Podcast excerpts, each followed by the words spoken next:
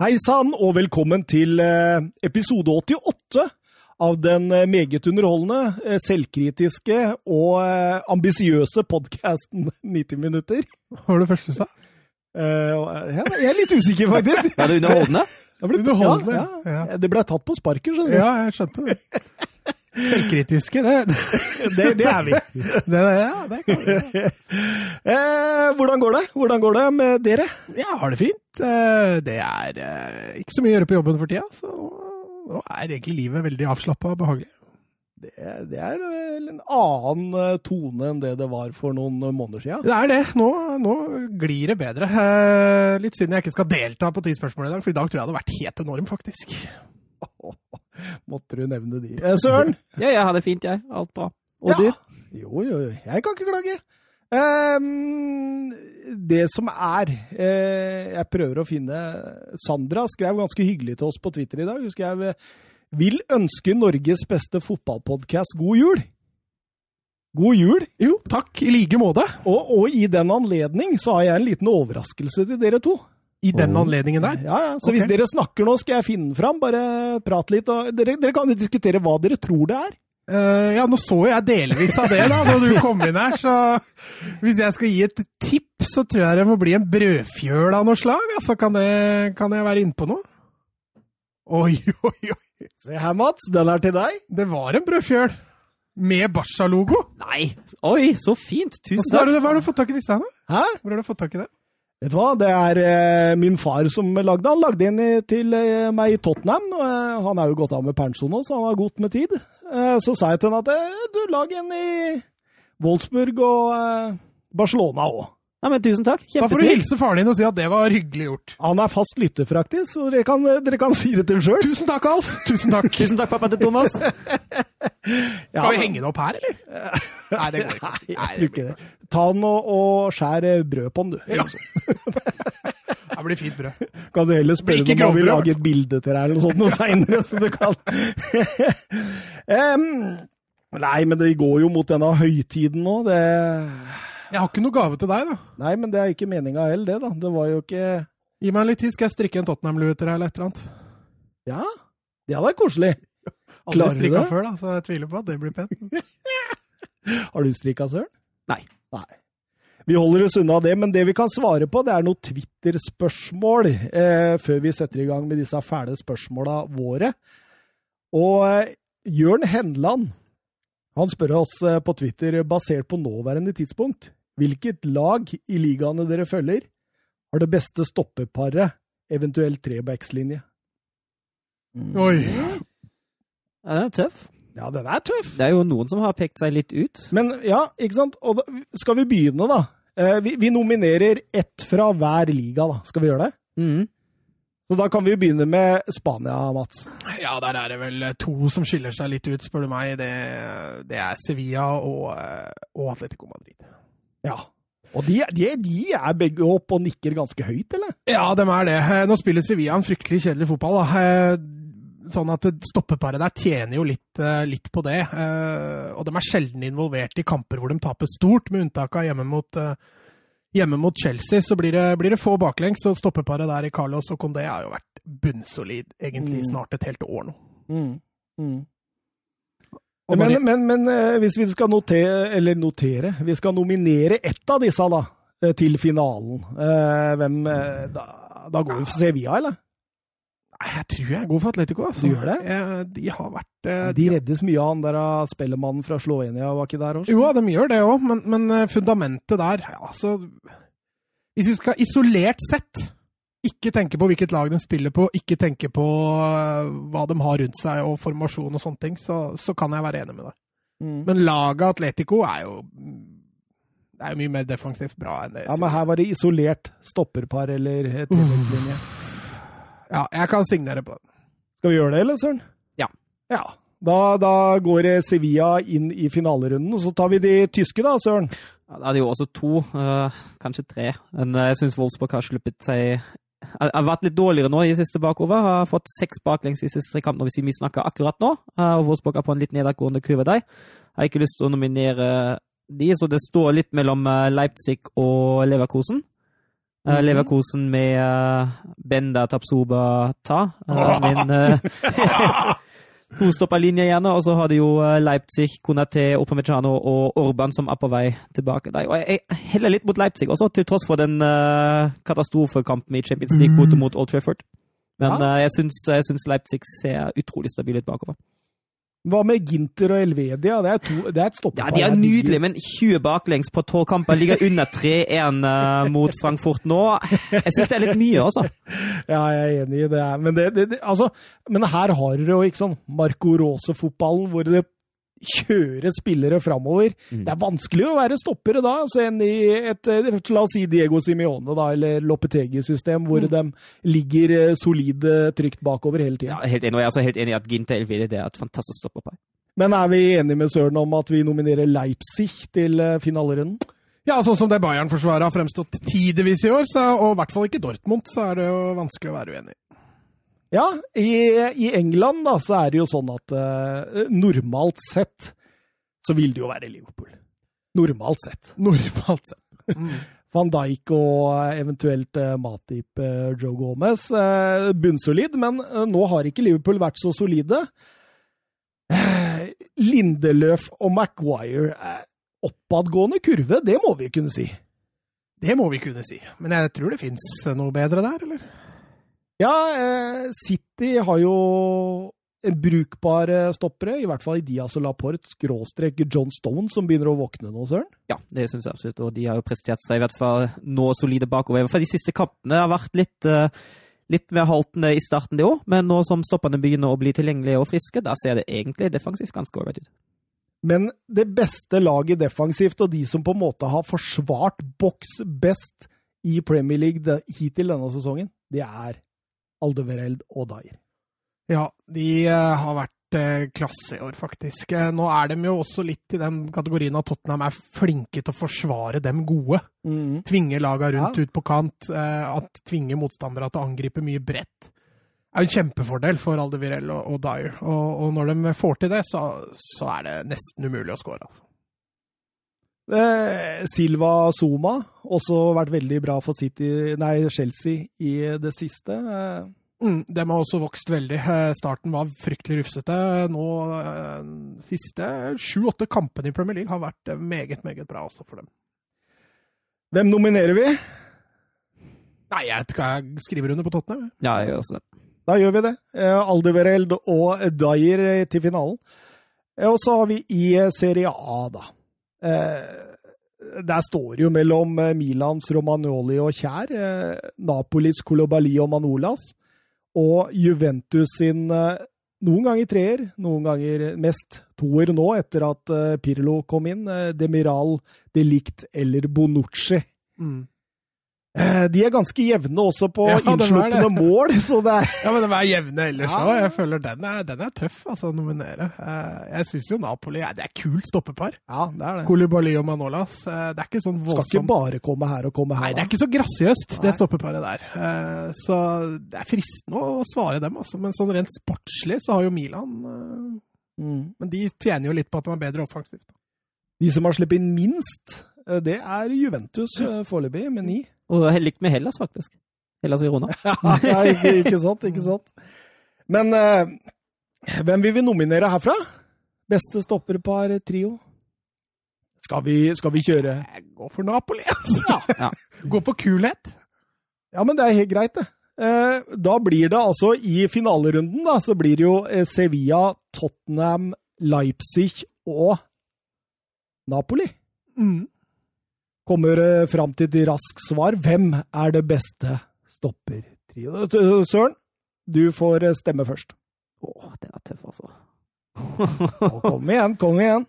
Nei, jeg heller Det er fire jeg, gode par her. Ja, jeg vet det. Jeg heller, jeg heller mot Tottenham, altså. I hvert fall som de har prestert seg nå i det, i det siste. Det er, det er sterkt. Det er virkelig sterkt bakover nå. Å, deilig. Skal vi se på form, så står det jo egentlig mellom Tottenham og Leipzig. Eh, nei, jeg kan gå for Leipzig, ja, da, siden du gikk for Tottenham. Så skal vi se hva Thomas eh, Hva, Thomas? Ja, men egentlig så går jeg for Sevilla. Egentlig går jeg for Sevilla. Neida, men innerst i Jeg må jo bare innrømme, det er jo Tottenham. Jeg må si det. Ja, men gjør det, for da kan jeg virke som en, eh, en objektiv type og velge Sevilla, og så kårer vi Tottenhams eh, Dyer og Alderferelt til eh, den beste stopperduoen per dags dato. Vi har noen sånne ti spørsmål, Mats. Ja, er det meg i dag, ja? Åh. Skal vi se, da må jeg bare Er du nervøs, Søren? Er du Nei. nervøs? Vet du hva, Jeg er så avslappa nå, fordi jeg har funnet meg i at eh, hvis jeg skal vinne dette, så må vi, vi må forandre hele strukturen. Alt som har med dette å gjøre. Um, Men du, du, du kan fortsatt vinne, da. nei, nei, nei. nei. Jo. Har ikke sjans. Har Det er sjans. jo over et halvt år igjen jeg- av podkasten. Jo, men det jeg sier, er at jeg husker ikke jeg sa til dere før sending her, at jeg ligger jo under 2-0 hver sending pga. at det går treigere med meg. Men, men du veit at det er antakeligvis, Nå har ikke jeg regna ut dette, men det er 15-17 poeng igjen å kjempe om. Du ligger bak led- igjen og du ligger, bak, du ligger bak han som leder med tre poeng. Det er masse å spille om ennå, Thomas. Føler, men jeg, jeg vil gjøre dette løst og ledig. Ja, det, men det er enig. Vi gjør det. vi gjør det. Eh, oppvarming 50-50. Temaet i dag er eh, spilleroverganger i 1996. Så Thomas, du har en liten edge her. Så Søren, vi begynner med deg. Å ja. Mm. Hvem sto for den dyreste overgangen i Serie A dette året? Var det Enrico Chiesa til Parma, eller var det Allen Boxic til Juventus? Jeg går for Chiesa, jeg. Det er helt riktig, Søren! Gratulerer! Poeng til Dupker der. Thomas, er imponerende, Søren. hvem sto for den dyreste overgangen i La Liga? Var det Pedrag Mijatovic til Real Madrid, eller var det Ronaldo til Barcelona? Oi, oi, oi. Nei, vi får bare gamble. Predrag Mijatovic. Det var dårlig gamble. Null poeng der, altså. Jeg, jeg, jeg tenkte at den var for opplagt. Ja, det var det. Tenkte jeg òg. Har jo ingen Søren, til hvilken klubb var det Jori Djarkaev signerte dette året? Var det Inter Milan, eller var det Lazio? Tror det var Inter Milan. Det er riktig, Søren. Da er det 2-0, Thomas. Kniven på strupen. For hvilken klubb var det Romario signerte dette året? Var det Sevilla, eller var det Valencia? Sevilla. Det er feil. Gå på en smell der, altså. Søren, da blir det Men jeg, jeg, hadde, jeg kunne begge Søren sine, så det er Altså, jo litt burde sånn- vært omvendt, ja. Ja, Ja, jeg skjønner. morsomt. Hvilken av følgende spillere var den mest kostbare overgangen av disse to? Lilian Turam til Parma eller Zinedine Zidane til Juventus? Jeg må si Zidane, ja. Nei, det er feil. Det var Turam til Parma. Thomas, da kan du redde litt ære. Hvilken liga brukte mest penger på overganger dette året? Var det La Liga, eller var det Serie A? Serie A. Det er feil. Det er La Liga. Men det var litt gøy å se, fordi England lå milevis bak Spania på dette Ja, ja, for det var jo helt i starten av etableringa av Premier League, vet du. Det var det. Nå er det, nå er det andre tider. Da går vi over til spørsmål to. Søren, du tar ledelsen 1-0, og vi tar en slik en fem spørsmål. Mm. Eh, dere får stille et spørsmål annenhver gang, eh, og så ser vi om dere greier å finne fram til svaret. Spilleren vi skal fram til, han er født 17. august 1977. Han har lagt opp som spiller, men han er aktiv som trener, og han er europeer. Ja, OK. Ehm, er han uh, Er han uh, engelsk? Nei. Nei, da jeg, jeg, jeg, Du tenker, du gidder tenkte ikke- samme vei som meg, du. jeg gidder ikke å tippe. Søren?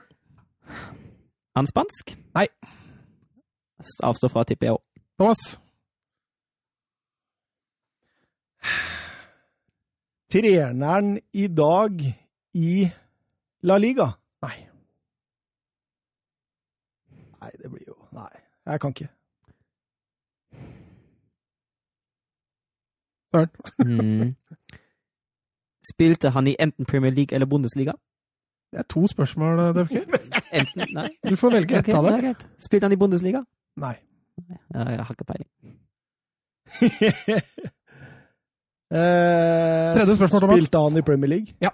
Slaven Bilic? Nei. Kanskje litt for ung. Søren, spørsmål tre. Mm. Er han italiensk? Har ikke peiling. Fjerde spørsmål, Thomas. Åh! Treneren i Premier League? Nei. Åh. Nei, jeg er blank. Spørsmål fire, Søren. han i Serie A? Nei. Å, herregud. Vi er så langt unna. Dere er et stykke unna! Vi er så langt unna, vet du. Siste spørsmål, Thomas. Å, dette her er eh, Dette her er Det er ikke bra, for å si det sånn. Nei. Jeg tror dere hang dere litt for mye opp i eh, Vil dere jeg skal komme et hint til, eller før siste, siden dere er så langt unna? Du kan gjerne det, altså. Thomas får stille første spørsmål, da, vet du. Nå, da, da dropp det, dropp det. Ikke hint. ikke hint. Hvis dere begge er, så skal, jeg, skal dere få nasjonaliteten hans. Nei takk, jeg vil ikke ha hint. Okay.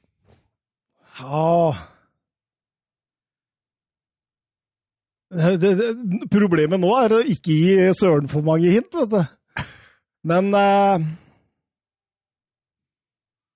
Trener han i dag i et land, land utafor de ligaene vi følger? Ja.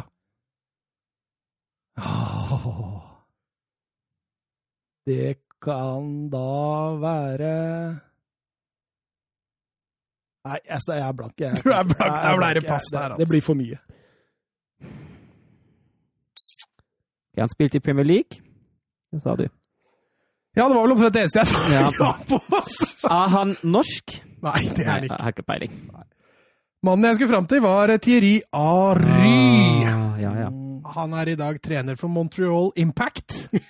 Ja. Dere hang dere litt for mye opp i trenerkarrieren. Ja, for det er nyest, så da hadde du fått Ja, helt riktig. Men han har vært i Monaco som trener. Han har vært assistent for Belgia. Spillekarrieren regner jeg med dere kjenner til. Ja da. Da går vi over til en såkalt storytell. Nei, unnskyld, det gjør vi ikke. Spørsmål tre er ikke storytell ennå. Det er, nå får dere bare skrike ut når dere tror dere veit svaret. I hvilket år var sist Atletico Madrid vant på Santiago Bernabeu i La Liga? Og der skal vi fram til år. Dere skal ikke kunne dato. Og dere behøver ikke kunne resultat heller, for den saks skyld. Søren, jeg får gjette 2012. Det er feil. Du gikk der, ja. Jeg tror det er lenger siden.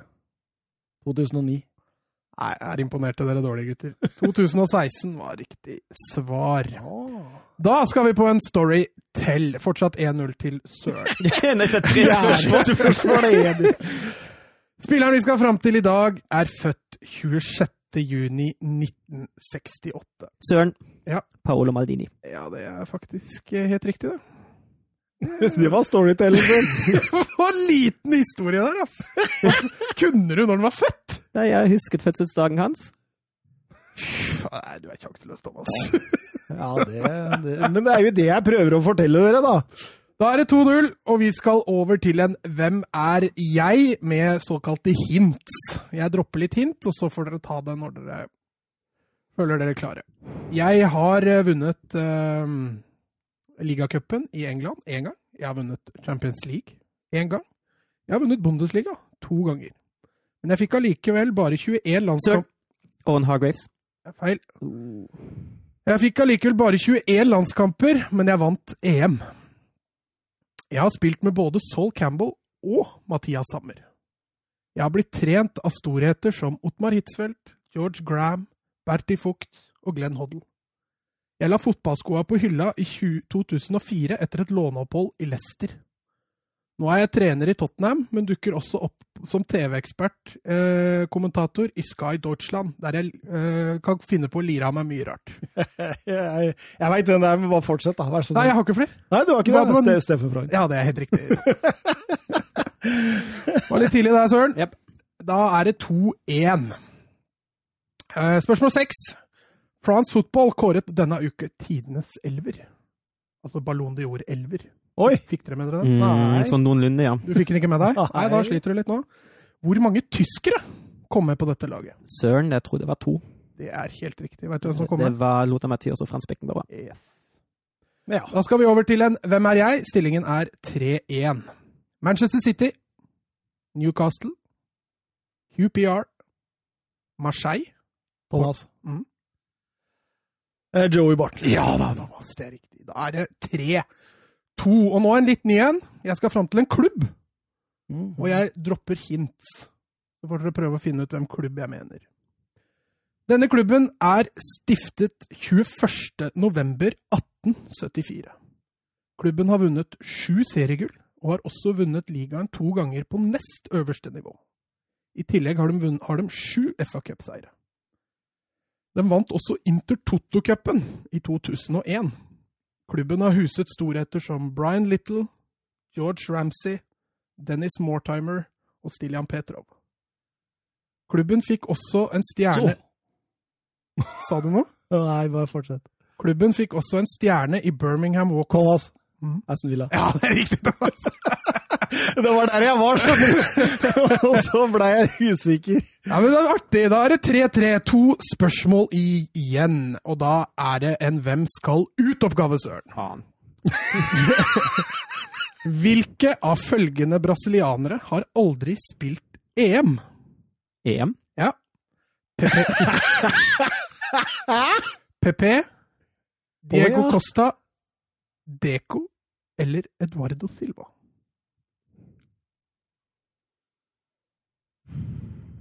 Aldri spilt EM. PP. Diego Costa. Deco eller Eduardo Silva? Thomas Diego Costa. Å, det er sterkt, Thomas! Det er helt riktig. Han har spilt VM, han. Han har bare spilt VM for Ja. Spania. PP og Deco har spilt for Portugal. Eduardo Silva for Kroatia. Og da er det 4-3 før siste spørsmål. Jeg har et bonusspørsmål her også, Søren, så skulle du få det til, så skal vi klare å få til en vinner for det. Og da er det en såkalt annenhver gang. Oi. Jeg har et tema. Dere nevner eh, annethvert svar Å, den der, jeg hater den. til en av dere bommer. Er dere klare? Mm. Siden 2003 har man årlig delt ut Golden Boy-trofeet til en av verdens mest talentfulle U21-spillere. Nevnt så mange Golden Boy-vinnere dere kan. Søren, der starter jeg med Erling Brøyd Haaland. Det er riktig. Vet du hva? Jeg leste denne artikkelen, vet du. Og, så, og så sto det der at eh, ja, Aguero har vunnet den. Og så, så, så står det 'Se lista her'. Men du trykka ikke noe mer? Nei. Nei, men da har du én, da. Ja, Aguero. Aguero har du. Lionel, Lionel Messi. Det er riktig. Um, Joao Felix. Det er riktig. Wayne Rooney. Det er riktig. Uh, Cristiano Ronaldo.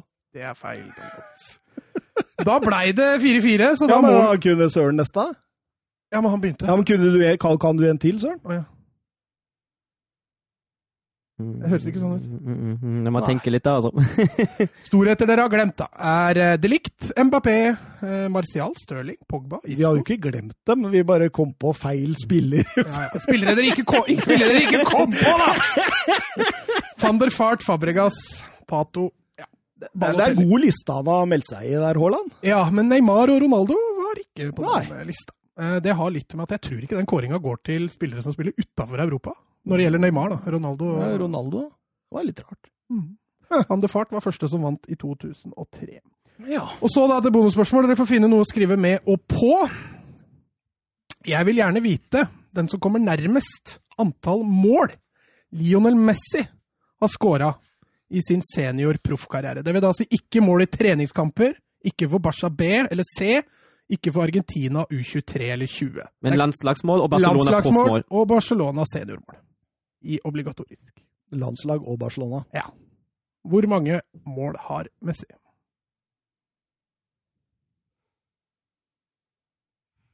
Oi. Oi. ja, jeg bare gambler. Jeg må bare gamble.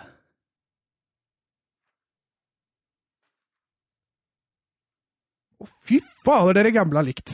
710 på Søren. Nei, unnskyld. 510 på Søren. 504, er det det? Ja.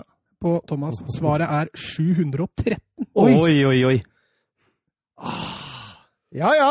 Så gratulerer, Dupker. Det var jevn. Veldig jevn. Det, det, det går ikke an å bli jevnere. Det gjør ikke det. Ja, nok en gang så er det den der, det var en sånn forrige gang. Eh, den der eh, åpningsoppvarmingsrunden, den taper jeg jo hver gang. Du gjorde det. Den, den er nok jeg droppa til og med fleip eller fakta. Ja, det tror jeg jeg gjør framover. Ja, og apropos vinneren. Her, Søren. En såkalt krabbenisse. Ja, så kan du pynte. Tusen takk. Julepynt til premie der, altså. Søren går jo hjem med masse gaver i dag, han må være fornøyd. Ja, jeg er veldig fornøyd, ja. Eh, Vi, eh, vi kjører program.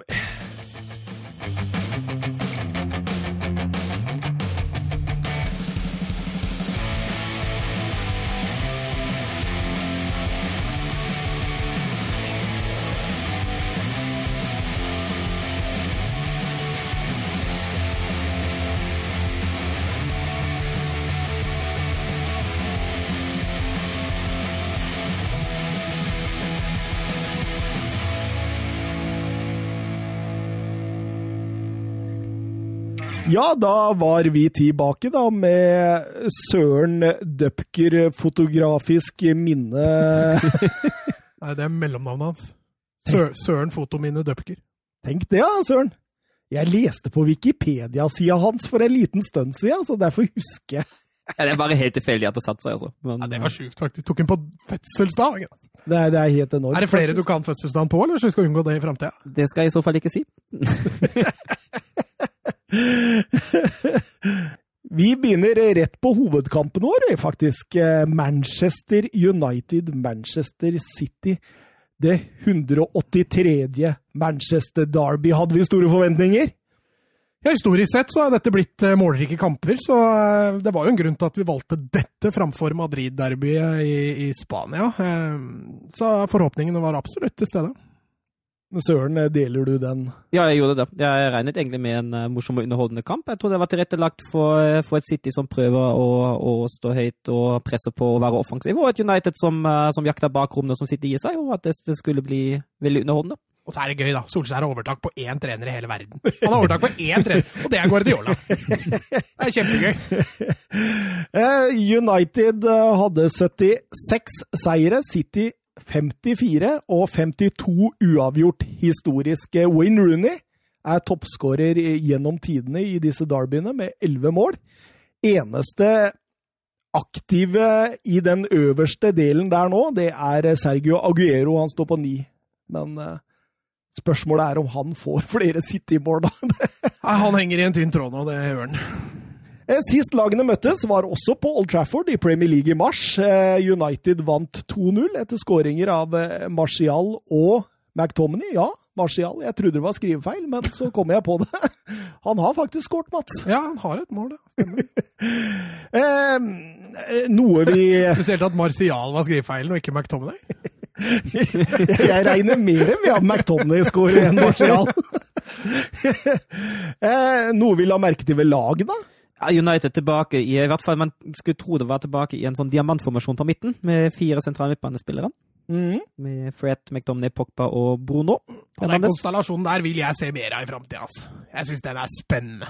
Ja. Da har du to kreative mellomromsspillere istedenfor bare Bruno. Uh, og jeg blei litt glad når jeg så United gikk i den formasjonen, for det er langt mer offensivt enn den der Trebekslinja han driver og tuller seg bort med noen ganger. Men Kavani var skada. Ja, Kavani var ute, og, og Martial eh, ble henvist til benken, så han fortsatte. Men det er ikke så rart. Nei, men, eh, men eh, litt overraskende likevel. Men eh, jeg drev og SMS-a med en kompis av meg når lagoppstillingene kom, og så spurte han meg liksom, hvordan tror du dette går. Og så sa jeg at Kavani er skada. Jeg skal gå baklengs til jobb i over en uke hvis United skårer mer enn ett mål. så den eh, rodde jeg meg fint inn i. Eh, Manchester City, da, de Ja, altså. De kjører jo eh, Fernandinho og Rodri. Eh, Pep har blitt livredd for balansen i laget. Ja, det blir flatere på midten, og De Brøne får helt klart mer ansvar offensivt på egen hånd. Rodri og Fernandinho denne gangen, som utgjør en litt flatere Jeg kaller det en 4-2-3-1, ja, altså defensivt i hvert fall.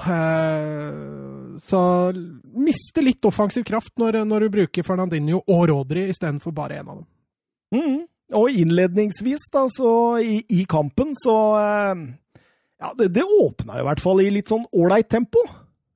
Ja, jeg syns det. Eh, og City som, som tar initiativet mest i forhold til ballinnehav, men eh, United de er, Du ser også City er veldig oppsatt på å ikke bli tatt i ubalanse i starten av kampen. og Det ødelegger litt i forhold til det etablerte angrepet for City, som ikke tør å sende opp eh, alle mann. Og, og United det kløner jo litt i overgangsspillet, da. Det må Ja. sies. Helt klart, de sliter jo å spille seg ut bakfra, i hvert fall i starten der. Ja, de gjør det. Uh, og det der utspillinga bakfra i forhold til kontringsfasen for United, der, der har de en utfordring mot City. Altså. Jeg syns City fortsatt er ganske gode i gjenvinninga, men, men uh, det er ikke veldig kreativt det United driver med bak der. Absolutt ikke, men det er United da, Søren, som får første corneren når uh...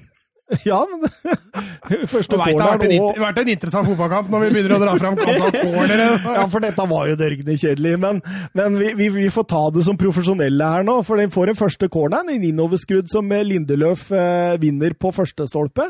Stusser bakover til McConney, som nesten klarer å skli inn i mål. Ja, det var et lite skremselskudd for City, det der. Det var, nære, det var virkelig nære på. Største muligheten uh, så langt, og ikke langt unna 1-0. Jeg syns, man merker at den, uh, den, den, uh, den seansen der den ga United litt mer mot. Nå prøvde man litt mer aktivt å jakte på bakrommet. Nå var det litt mer, litt mer dype løp, og det så litt bedre ut nå med tanke på å true Citys forsvar. Altså, du hadde, det var ett angrep i, i første omgang der hvor de hadde det veggspillet hvor ballen gikk i lufta. De skøyt den på hverandre. Ja, Bruno inni der òg. Ja, og Aron Van Bissaka Mm. og sånn. Eh, fantastisk artig å se på.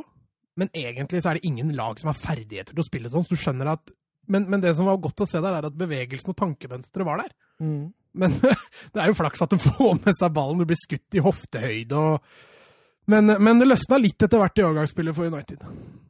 Ja, absolutt. Eh, Det var forferdelig ball. Eh, Jeg snakker om det angrepet du nevnte til der, som Kyle Walker sentra ja, den- tilbake til Ederson. Og så, og så får de jo en ny bølge der også. Så det, den var liksom litt på gang der, United. Ja, og så syns jeg også de begynte å stå godt etter. Eh, det, blir jo, det blir jo nesten en 4-4-2 mot ballen der, med Pogba og Greenwood som står, som står bredt, og Bono og Rashford som presser sentralt. Eh, og så står de faktisk godt. De tvinger City til en del, til en del høye spark, eh, og er også gode i, i den gjenfinningsfasen, etter hvert i hvert fall. Mm. Og så syns jeg også United utover i første gang tar mer kontroll over ballen. Mm. Du får ikke det dominerende possession-spillet til City. Uh, og det tror jeg United tjener på utover i kampen, for da blir også City må løpe litt etter ballen. Ja, men eh, Gabriel Jesus han har jo en sjanse der uh, når, etter 25 minutter. Hvor bakre fireren til United ser ut som et trekkspill der, og han kommer, lurer seg inn ved Van Bissaka der. Eh, får skipen fra Mares og brenner den over. Den, mm. den er ganske stor! Ja, og det var jo stort sett bare City som skapte sjanser i første omgang der, og der er det, det er litt sleepyhead fra Van Bissaka. Altså, man skjønner poenget med å strekke nærmere stopper der for å, for å tette rommet, men eh, du kan ikke glemme mannen din bak deg, altså. Må du aldri gjøre, selv om du er back og har ansvaret for å sikre, sikre Lindeløf der, så det er et dårlig beregna av Van Bissaka. Og, og, Og dårlig avslutta av Jesus. For all del.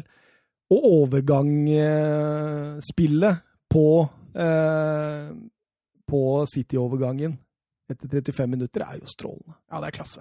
Eh, Det er pur, pur klasse. Måten de får han ut brett der, slipper han inn i midten på Er det Jesus som drar han med seg der? eh, Blir ikke tatt og klarer å, å frigjøre seg eh, ut til De Brøne, inn, inn i midten til De Brøne, som på første touch slår han mellom beina ut til Mares på kanten. Er det Dårlig satt av Mares. veldig dårlig, men jeg syns han blir litt ubesluttsom der.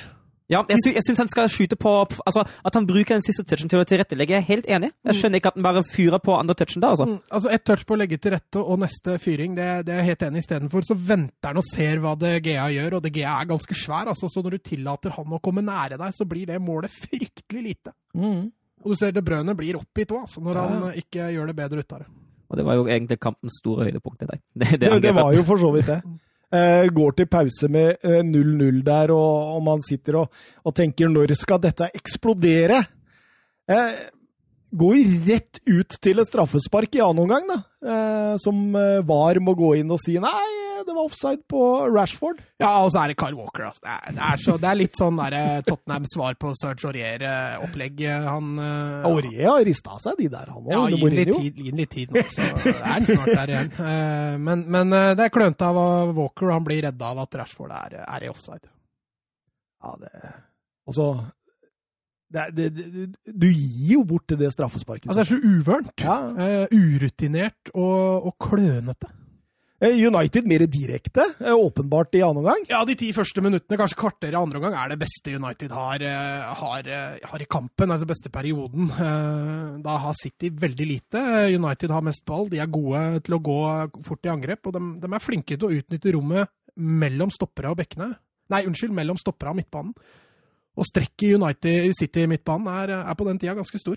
Mm, absolutt. Og jeg, Jeg syns de sliter også i dette presspillet sitt, jeg, Søren. Ja, jeg er helt enig. Jeg syns de kommer seg ikke godt, godt inn i presset. Og så altså, er det ikke konsekvent igjen. Altså, det er litt sånn at United finner seg alltid en eller annen spiller å spille seg ut til. Er, de, de, følger ikke godt nok etter etter første press litt. Så syns jeg Lindeløf og Maguire her får en ekstrem enkel reise. Altså, Jeg snakka litt om det før podkasten til dere, at det er altså Mellomnavnet til Gabriel Jesus må jo være 'Unnskyld meg'. Ja, for at jeg er til? Ja, ja, for at jeg er her. Unnskyld hvis jeg kommer borti. Altså, det er jo ingen ta... presence i, i boks i det hele tatt. Du mener han må ta større ansvar? Må ta større ansvar, krige mer i boks, ta med stoppera ut på løp. Altså, De kan jo stå og forsvare seg mot den. Nei, Guardiola har ikke vært uvøren for å ha en veldig bevegelig spisser som dropper ned og er mer og med i oppbygginga. Ja, men øh, syns du han er det, eller? Ja, altså I frispillinga til City så kan han bli involvert. Men, men, jeg er helt enig i det. At, men når City kommer rundt på kantene, da, eksempel Så må de ha noen i boks, det er ja, jeg helt enig. Men det, det, det, er jo ingen der. Og hvis Jesus er der, så går han jo ikke inn i i duella engang. Det er helt meningsløst. Han er vag. Han er vag. Ingen tvil om det. Um, ja, du sliter litt med å finne sjanser her. Ja, du gjør det. Altså, man kan altså, han bytter jo altså Jeg syns jo det blir, det blir, litt andre litt, litt annerledes når uh, Torres kommer for, for, Mares etter 66. Jeg syns City prøver litt mer da, har litt mer faser med, med ballspill etablert i Uniteds bane. Men det blir ikke noe ut av det. Du har to blokker av uh, Maguire mot slutten der, men uh, ja. Men er, også, også, også, den, Mats, den Cancelo inn til Jesus der, som på en eller annen måte vender feil vei. Så, så klarer han å finne det brødet inne i kassa. Ja, den, ja. ja. Men det brødet blir blokka av, tror jeg. Det, det, du nevnte det. Mm. Men, eh, men eh, Peppo, som ikke bytta noe i midtuka, og i den kampen her bytta han én gang. Mm. Er det noe nytt han prøver, eller? Ja, altså, men han spilte jo med B-laget midtuka nå, da. Jo, jo, men allikevel. Det handler jo om å rullere litt, da. Mm. Og jeg syns de ser slitne ut. Ja, det var litt det jeg skulle fram til. Mm. Absolutt. Det, nei. Er det noe mer å snakke om? Det renner ut i 0-0. Det er ja.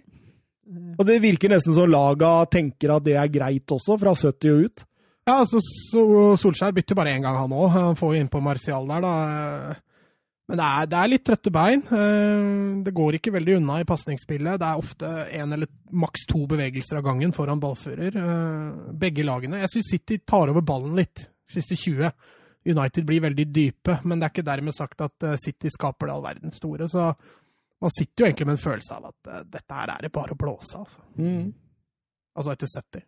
Ja, han blåste av etter 90. Da. Ja, han gjorde det. Han drøyde den etter. og da blir det 0-0, da. Resultattipset Ingen av oss uh, får poeng, faktisk. Uh, jeg var nærmere mitt enn det du trodde. 2-1? Jeg syns ikke det er så nære. 0 Nei, nei, men du lo litt av meg når jeg tippa 2-1 til United. Ja, for jeg kunne ikke se for meg at United vant dette. Det kunne jeg virkelig ikke. Hadde du sagt uavgjort, så hadde jeg ikke ledd av deg. Nei, ok. Nei. Eh, banens beste, Søren. Du kan begynne. Ja, da har jeg en gledelig overraskelse til Thomas. jeg gir tre til, til McWay. Men altså, jeg syns det, det, var vanskelig. Jeg kunne ha valgt, kunne ha valgt flere her, men uh... Tre til McWay ja, er det verste jeg har hørt! Og litt også på grunn av deg, Thomas. Ja, jeg skjønner det. Det var, det var til ære for meg. Denne. Ja, eh, men altså, han, eh, Jeg leste etterpå statistikken hans. 100 eh, vunnet dueller både på bakken og i lufta, og det er jo sterkt blokk. Mot Gabriel Jesus, ja. ja. Ja, greit nok, da. Men til, tross, til tross for at det er en god prestasjon. Uh, to gir jeg til, til, John Stones, som hadde en uh, lignende god prestasjon i den andre firebekkstrekka. Og så var det litt gambling på den siste, kunne ha valgt flere. Men uh, gir en til Fernandinho, som jeg syns rydda godt uh, bakover for City. Ja, jeg har uh, flere av de samme, faktisk. John Stones på tre har jeg da riktignok. Jeg syns han dominerer fullstendig. Uh, og tar fra alt som United har. Uh, Maguire får to. Og så gir jeg ett til Fred. Fred, ja. Mm. Han snakka mye godt om han òg i denne podkasten. Ja, men han, han jeg synes, altså, En ting er det defensive han gjør, da, som, som stenger mye rom og er flink til å vinne baller og alt det der. men jeg syns også han, er, altså, han har en Zidane der på midten, og han er litt livlig. Ja. ja, ja, det er greit, det. Dere, skal, dere må stå for dette, da. Jeg har, tre til John Stones. Eh, full kontroll, solid. Leser spillet. Eh, er til og med med frem og prøver å skape litt uh, ubalanse uh, gjennom ledd. Uh, eneste av de stoppera som gjorde det. Så jeg syns det, syns det var bra Nei, kamp. Men er du god nok som stopper, så bør du ikke gå ut av leddet ditt for å Ja, skape men, men, ubalanse. men, men her setter Her setter Pep eh, Laporte på benken. Mm. Det er åpenbart at Ja, Stones eh, Stones er på vei. Ja, han har vært bra i det siste. Jeg gir to poeng til Kevin De Brønne. Eh, er jo omtrent den eneste på banen som presterer og prøver noe offensivt. Mm. Så jeg, jeg syns han skal få for den. han ser frustrert ut i tider her òg. Eh, så gir jeg ett poeng til McDonagh. Du leita godt etter en som ikke het Maguire, i hvert fall. Nei, For å være helt ærlig med dere, så hadde jeg nok kanskje hatt Maguire på inne der. Kanskje han hadde fått Kanskje han hadde fått et poeng. Kanskje. Eh, Men jeg syns McTomney var bra. En sånn arbeidshest. Han vant ballen åtte ganger. Det er mest av alle i kampen. Eh, Syns, jeg syns han er en bra spiller, altså. Han sleit litt i starten, men nå har han virkelig spilt seg inn i varmen. Eh, Roy Keane han satt i studio og sa til spillere Så du den sekvensen med Ja, så- Gary Neville? Så denne gangen. Så du den, eller? Nei. Nei, han sa det at eh, Åssen uh, var det igjen, Mats? Det Nei, de snakka om, eh, om eh, harmonien etter kampen. Mm. Og Roy Keane syntes jo dette var helt forferdelig. Altså, én ting var å spare spillere eh, før, uh, før Eller under en kamp som mot Manchester City, og det kunne ikke han forstå. Nei. Altså, Hvis han var spiller i dag, så var det helt uaktuelt at han skulle bli spart i en sånn kamp, for han hadde masse å gi. Og så var det etter han Gary Neville kontra meg, som Ray, Roy, Keane, som, jeg ikke husker. Ja, men Roy Keane sa vel eh, også at eh, Ja, men det er ikke så rart, du var den eneste høyrebekken vi hadde. det, det var det, altså. Men eh, Roy Keane var også veldig hard på dette med, med spillere etter kampen. At det ser ut som det ikke betyr så veldig mye. Eh, for snille med hverandre. Han, og, og, og det har, jeg syns han har et poeng, jeg, fordi det var veldig mye klemmer, high fives og, og godt humør etter eh, en såpass traurig forestilling fra begge lag.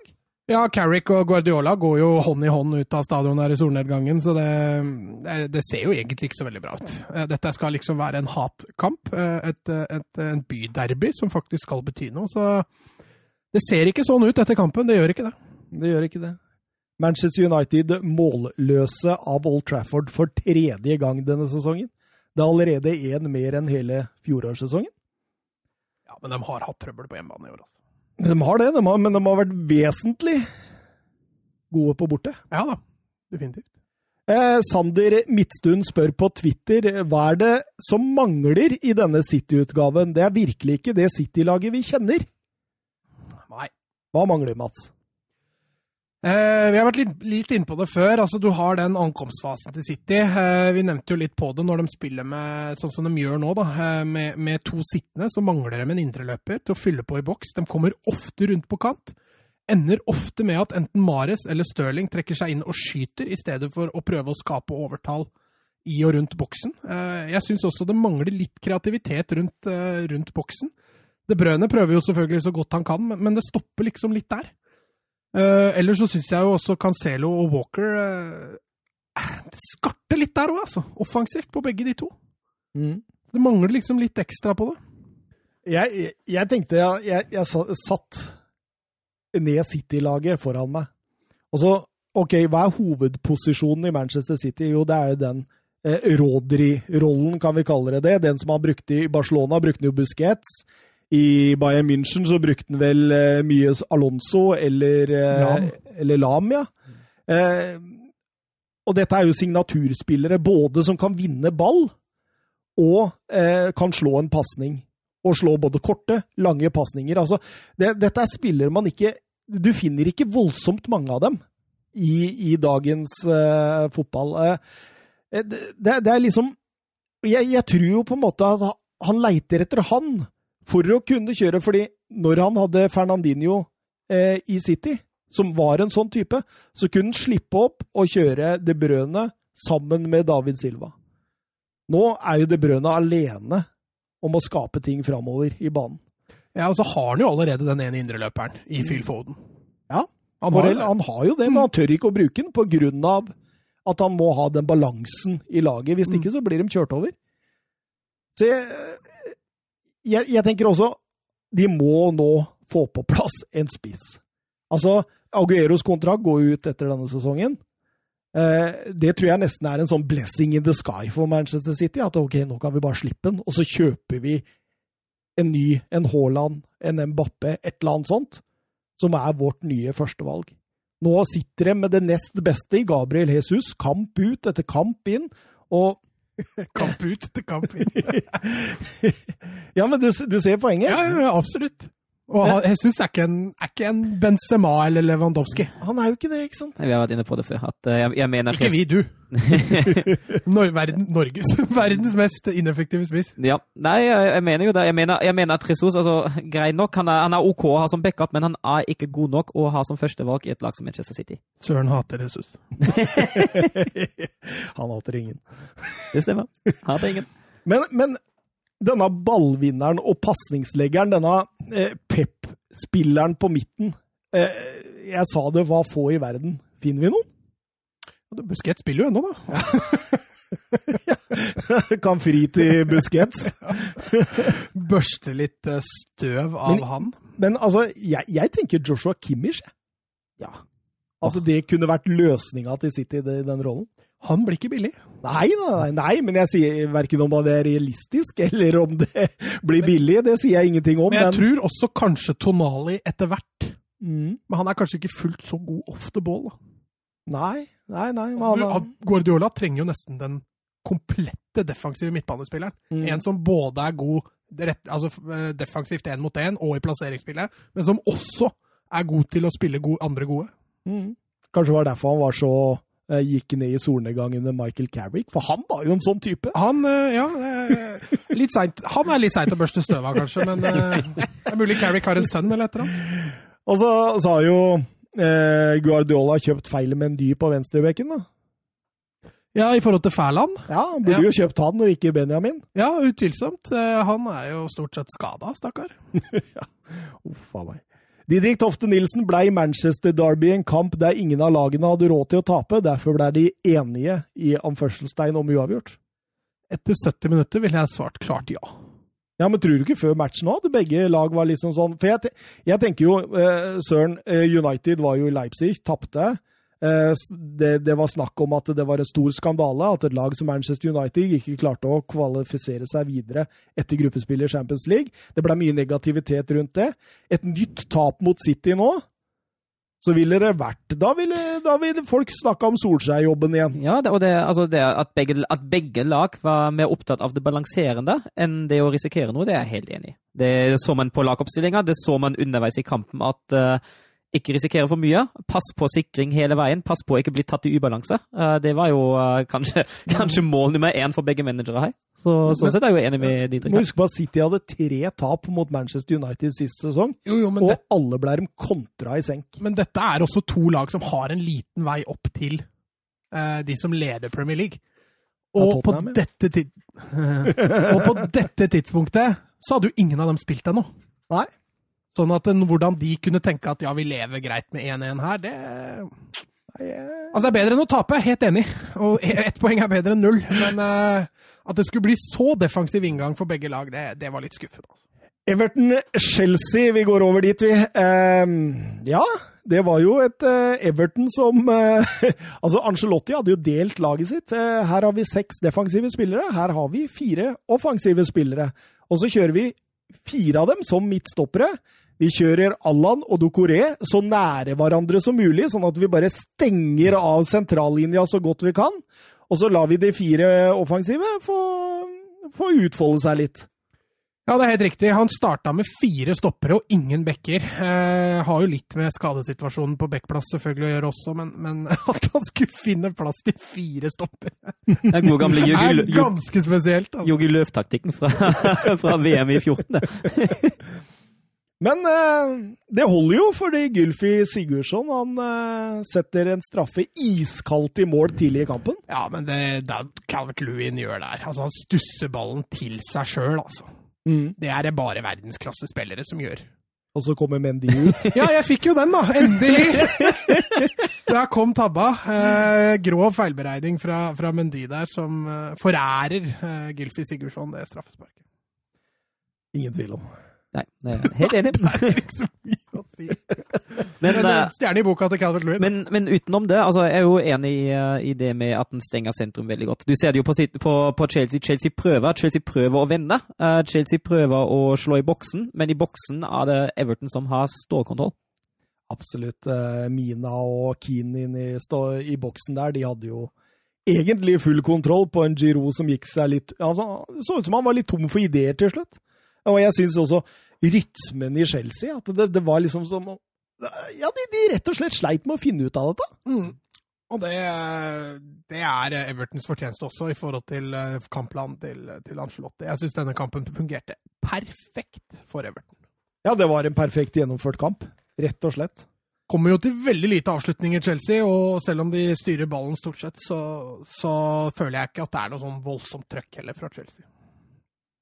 Seks av de åtte siste mot eh, Everton har Chelsea holdt eh, nullen. Eh, De to de ikke har gjort det, har de tapt.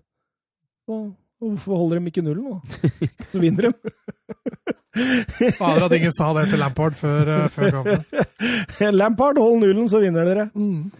Crystal Palace Spurs Cern. Det, det, det var litt sånn Altså, det var litt sånn atypisk eh, i starten for Tottenham, dette her. For nå har de jo ligget bakpå og kontra i Og plutselig så møtte du et lag som lå bakpå og kontra. Men Tottenham kommer jo til å få flere av disse typer motstandere. Eh, nå leder de Premier League, det er flere lag som, som kommer til å ha litt det fokuset. og eh, Når Tottenham fikk målet sitt i første omgang der, så tenkte man jo at det løpet er kjørt allerede. Ja, altså, altså, jeg syns- jeg syns jo det ser bedre ut i et kvarter. Eh, når Tottenham får den første virkelig store sjansen, da Guita er strålende mot Endombele, da begynner det, begynner det å løsne litt opp. Da kommer Tottenham til avslutninga. Har de mye bedre kontroll på kontringssikringa i tillegg. Uh, og da, da vipper egentlig kampbildet i Tottenhams favør, syns jeg. Ja, eh, var det tabell når Kane setter eh, 1-0 der? Jeg syns det. Skudd er fra 120 meter, det skal jo tas. Men eh, jeg ser det er flere som har frifunnet Guita der. Ballen flakker, og han spretter rett før. Ja, seg sjøl òg, frifunnet. Altså, så tenker jeg jo altså Hvis jeg slipper den inn, er det greit nok, da. Men det er jo en Premier League på det nivået. Han skal jo kunne, kunne få den ut. Altså, ingen snakker om at han skal holde den fast, men å få den ut til kona og slå den ut, det skal ikke være så vanskelig. det der, altså. Nei, absolutt. eh, Jeg, jeg er for så vidt enig. Han bød den. Ja, i hvert fall holde han utafor mål. Ja, Han kom jo ikke på han engang! Men uh, Kane setter jo da 1-0, og uh, Tottenham får kampen sin i, i, litt i sitt spor, egentlig. og Det er, det er ikke før helt mot slutten av første omgang du begynner å ane at Crystal Palace begynner å krige seg inn i, i matchen. Og jeg må bare si én ting, at uh, dette er vel den kampen i Premier League etter det kom publikum på arenaene, hvor du hører publikum best. Ja. Her, det var en enorm stemning av 2000 mann! Ja, det ble trøkk, og det, men det var gøy. Det var gøy å høre publikum igjen. altså. Ikke den der fake hvor jubelen kommer tre minutter etter scoring. sånn. Det, det var mye artigere når, eh, når det blir sånn som dette. Men um, her føler jeg Palace faktisk tjener på å ha publikum. altså. Ja, ja, Det gjør de helt klart, for det, det er en helt annen giv, det er en helt annen trøkk i dette Palace, utover i andre omgang. Så Tottenham blir jo trøkka helt ned i egen boks. Ja, absolutt. Absolutt. Og jeg syns han Ese og Sa sammen Mm. eh, Altså, de har jo vært litt sånn one man team. Eh, Crystal Palace da sa fremover om han ordne det sjøl, men nå, nå har han jo fått en eh, play buddy. Da. Ja, men Benteke gir faktisk trøbbel til Dyer og, og, Og hvor kom han fra, liksom, nå? Ja, han vinner jo hver duell han er involvert i inne i boksen der, og, og Dyer og Aldevirel finner ikke ut av Benteke. Nå er det jo ikke han som skaffer de helt store, eller skaffer de store overskriftene, men eh, han gir dem ordentlig hodebry, og det gjør at Palace faktisk kan angripe på kantene, fordi de har Benteke i boksen. Mm, absolutt.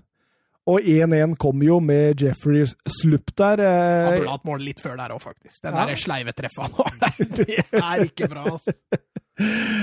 Det kommer en dødball ut venstre, Ese slår han knallhardt inn, og, og Joris får ikke holdt ballen, eller? Det er det han prøver på, eller? Ja, eh, det ser sånn ut, og det, det er litt det som man kanskje kan klandre den for. At, altså, det er vanskelig, det ser jo dummere ut enn det egentlig er, for det er en duell eh, rett foran ham. Man ser den ekstremt seint, og det, det er ekstremt vanskelig for en keeper.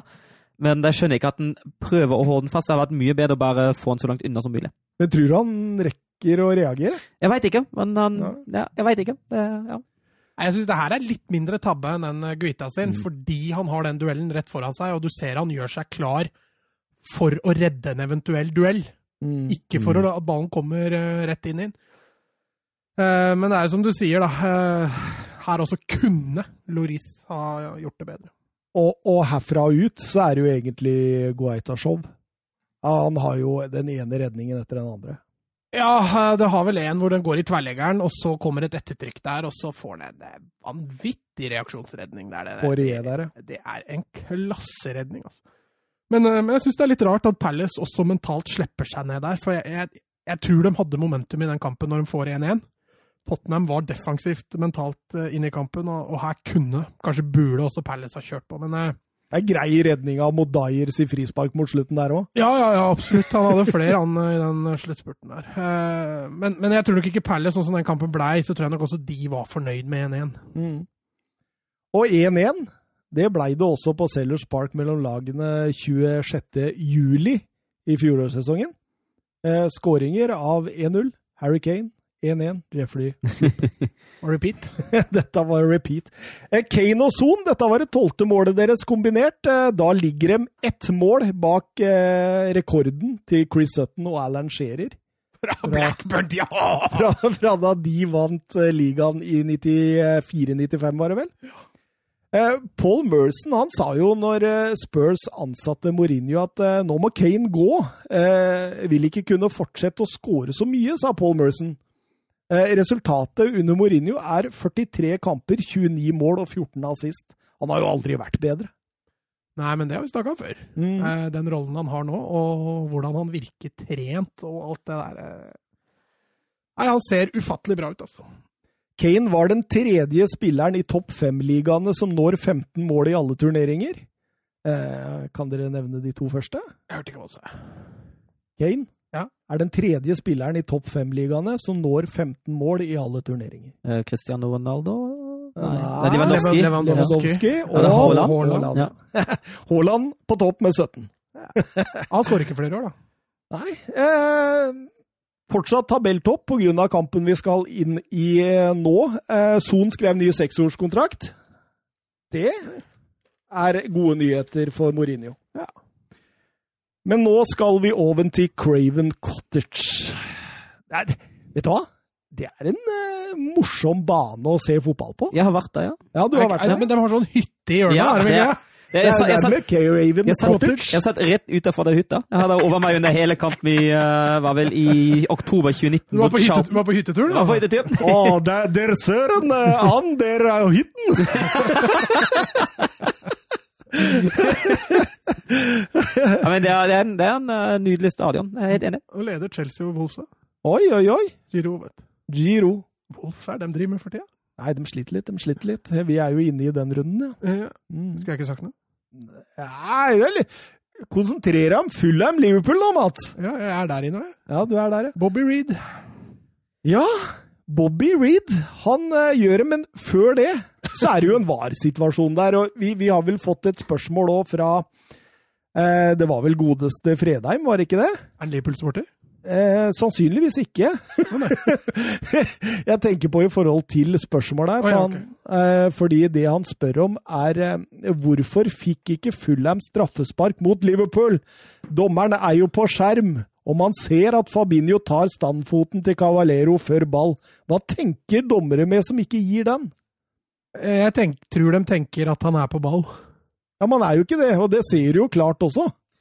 At, Nei, ja. altså, han er jo på ball, men han er jo på stamfoten til Cavalero først. Ja, ja, men det å gå igjen Men det, du har ikke sett dette før, da? Jo, vi har jo det. Det var litt av poenget mitt, faktisk. Oh, ja, okay. Det jeg skulle spille opp til nå. Fordi, Ja, okay. Ja, spill opp, da. ja, for er ikke det litt sånn eh, når Bruno Fernandes ikke fikk straffesparket mot seg mot West Bromwich der, for eksempel? Mm. At det, det holder å være litt på ball, og så blir du frikjent for det. Men jeg er jo helt enig, Så lenge du tar foten først, og så ball, så skal det jo være frispark utafor 16-meteren, og det skal være straffe inni 16-meteren. Det skal egentlig ikke ha så mye å si med kraft og fart. Eh, Så lenge du takler motspiller, og så takler ball, så skal det være frispark eller straffe. Husker du um, når eh, Høibjerg blir takla knallhardt mot Brighton der, og de får det Ja. målet? Mm, mm. Der også. Litt på ball. Mye Så på er det ikke. Mm. Det er minst en rød tråd, da. Men, men det hjelper jo ikke. Jeg er jo helt enig, det burde vært straff. Og vi har snakket om det Brighton-målet òg, det burde blitt annullert. Så ja. Ja, det, det, jeg, jeg syns det er så rart, fordi du ser jo så klart der at mm. Cavallero hadde jo klart å stå på beina hvis ikke han hadde fått stamfoten skyvet til side. Ja. Så det, nei, det, det, er rart, jeg, jeg, skjønner ikke noe annet, men så kom jo Bobby Reed, da, og det er et nydelig treff. Ja, Herlig avslutning. Og så er det så fortjent. Jeg syns uh, Fulham har vært det beste laget. De har jo de har kommet med en åpen matchplan uh, til den kampen, der, og den fungerer utmerket. Står, står dypt, gjør det kjempetett, er veldig gode til å bryte. Liverpool får nesten ikke vare i siste tredel i det hele tatt. Og så er det kjøret i bakrom. Uh, det så man, så man litt på lagoppstillinga, allerede når Lokman starta. Det var, var mye bakromsjakt der, og det fungerer utmerket. To store sjanser før de skårer 1-0. Skulle, skulle de hatt frispark? Ja, du tenker på dytten mm. på Sala? Altså, det er så eh, teatralsk, da. Det, det ser jo alle. Men, men, Det er jo ganske klar arm i ryggen på den der. Ja, men er det clear and obvious feil av dommeren? Nei, men det var ikke det jeg spurte om. Skulle han hatt frispark? Ja, selvfølgelig skulle han hatt frispark. Mm. Det skulle han helt klart, men uh... Ja, jeg er helt enig. Jeg også, men det, når Salah gjør så mye ut av det, så ser det så dumt ut. Mm. Blir sånn her, Kaster ja. hendene opp og liksom Ja, jeg ser den. Eh, Liverpool bedre mot slutten av omgangen, men dette er en av de svakeste omgangene jeg har sett Liverpool i på lenge. Ja, jeg er helt enig. Uh, de, de slet veldig med, uh, med Fulhams, med Fulhams korte avstand. De slet veldig med at de beveget seg for lite, de òg. Det ble litt for mange touches på ballfører og litt for få løp til å nøste opp i det hele. Og Andrea Gissa var strålende. Nok ja. en gang. Han hadde en fantastisk sesong i fjor òg, i Villarreal. Uh, han fortsetter. Han har vært god i år egentlig hele veien. Mm. Så han, han, leverer absolutt uh, også i dag, en, eller i dag, uh, på lørdag, en strålende kamp.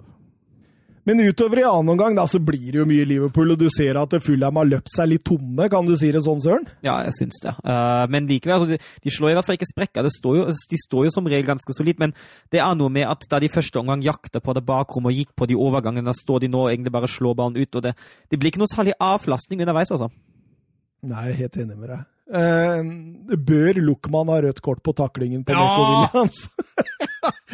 det er irriterende at sånt ja, ikke blir tatt. Jeg skjønner ikke det. Altså, den er jo så brutal. Stygg takling. Ja. Men jeg tror det har litt med at han reiser seg så fort opp og setter i gang spillet med en gang. Men, men Neko Williams må være glad for at eh, han, foten hans er litt oppe av bakken, for han blir bare skyvd ja. vekk. Isteden altså, hadde den stått i bakken, så hadde han knekt hvert av. Kunne ha gjort det. Eh, men eh, kort tid etterpå så får Liverpool straffe. Hva, hva, hva det, det, er jo straffe, selvfølgelig. Men... Det er jo den hens-regelen som vi har snakket så mange ganger om. at uh, ja, det... Så vi, vi, gidder ikke, og så sier vi Salah 1-1? Ja. Heldig, dårlig straffe! Ja. Heldig. Vi har sett nå Ronaldo har vel skutt fire straffer på rad og midt i mål, så det er, det er ganske effektivt. Det er en trend. Det er, det, det er faktisk, trend, ja. det er faktisk blitt forska på at det er det sikreste stedet du kan sekte den. Det er høyest sannsynlighet til å gå i mål. Ja, for keeperen vil eh, helst ha noe å gjøre når det er straffe. Og da blir det 1-1, faktisk. Eh, svært overraskende resultat, egentlig. Man kunne ikke se denne for seg. Nei, eh, ikke med den formen Liverpool har hatt i det siste. Men, men eh, jeg tror også Liverpool skal få det tøft framover i forhold til kampprogrammet de har, og de tunge fraværene de har. Så at vi skal få se et bunnsolid Liverpool i kamp etter kamp etter kamp, det, det, er ikke mulig for det laget her å få til, tror jeg. Eh, så at de får med seg ett poeng på en dårlig dag, kanskje skal vise seg å bli bra. Vi må faktisk tilbake til 14-15-sesongen, eh, sist Liverpool slapp inn så mange mål etter tolv kamper.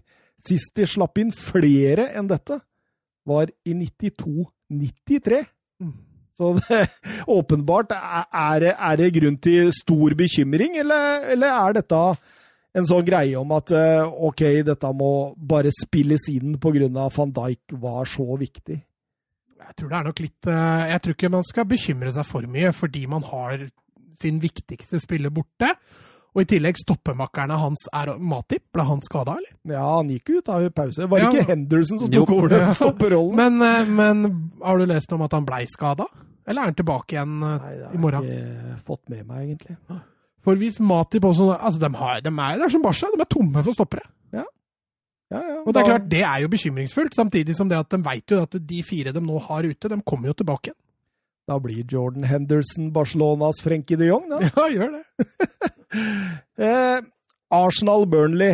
oi, oi, oi. Dere nå. Eh. Ja, nei, altså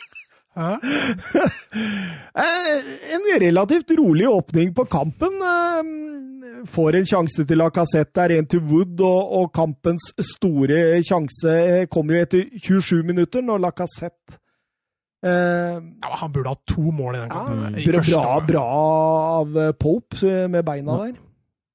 Men, det, men det, er fortsatt, det er så flat det Arsenal gjør offensivt. Også. Det, er, det er så fryktelig flat. Nå satt han jo Lacassette i den rollen bak Aubameyang, men det, det hjelper jo ingenting, det heller. Altså, det, det, Jeg syns det hjelper litt i forhold til at de får to mann i boks. jo, fordi, ja, og det er akkurat det, fordi de kommer jo bare via kant. Det er jo det eneste de Ja, gjør. Det er jo bare kant. Det er det eneste. Altså, Nå må noen fortelle Arteta at han har ikke Jan Koller på topp! ja, men helt seriøst, og liksom. Aubameyang header jo inn mål. Jeg vet ikke hva du har. De står jo og pumper inn Nei, på Tarkovskij og Ben Mi. og så, altså Kom rundt og slå flatt. Ok, jeg kan forstå det.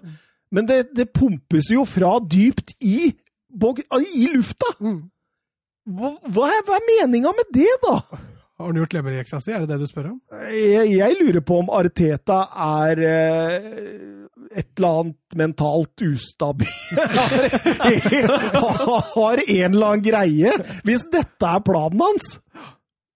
Nei, Du kan begynne å lure. Eh, Det virker ikke som han har sett så veldig mange Burnley-kamper før, når du velger å angripe bredt med høye innlegg i boks. Men eh, det går jo til 0-0 med pause der, og så, eh, så kommer jo Arsenal ut i 100, syns jeg, annen omgang, og gjør en god Ja.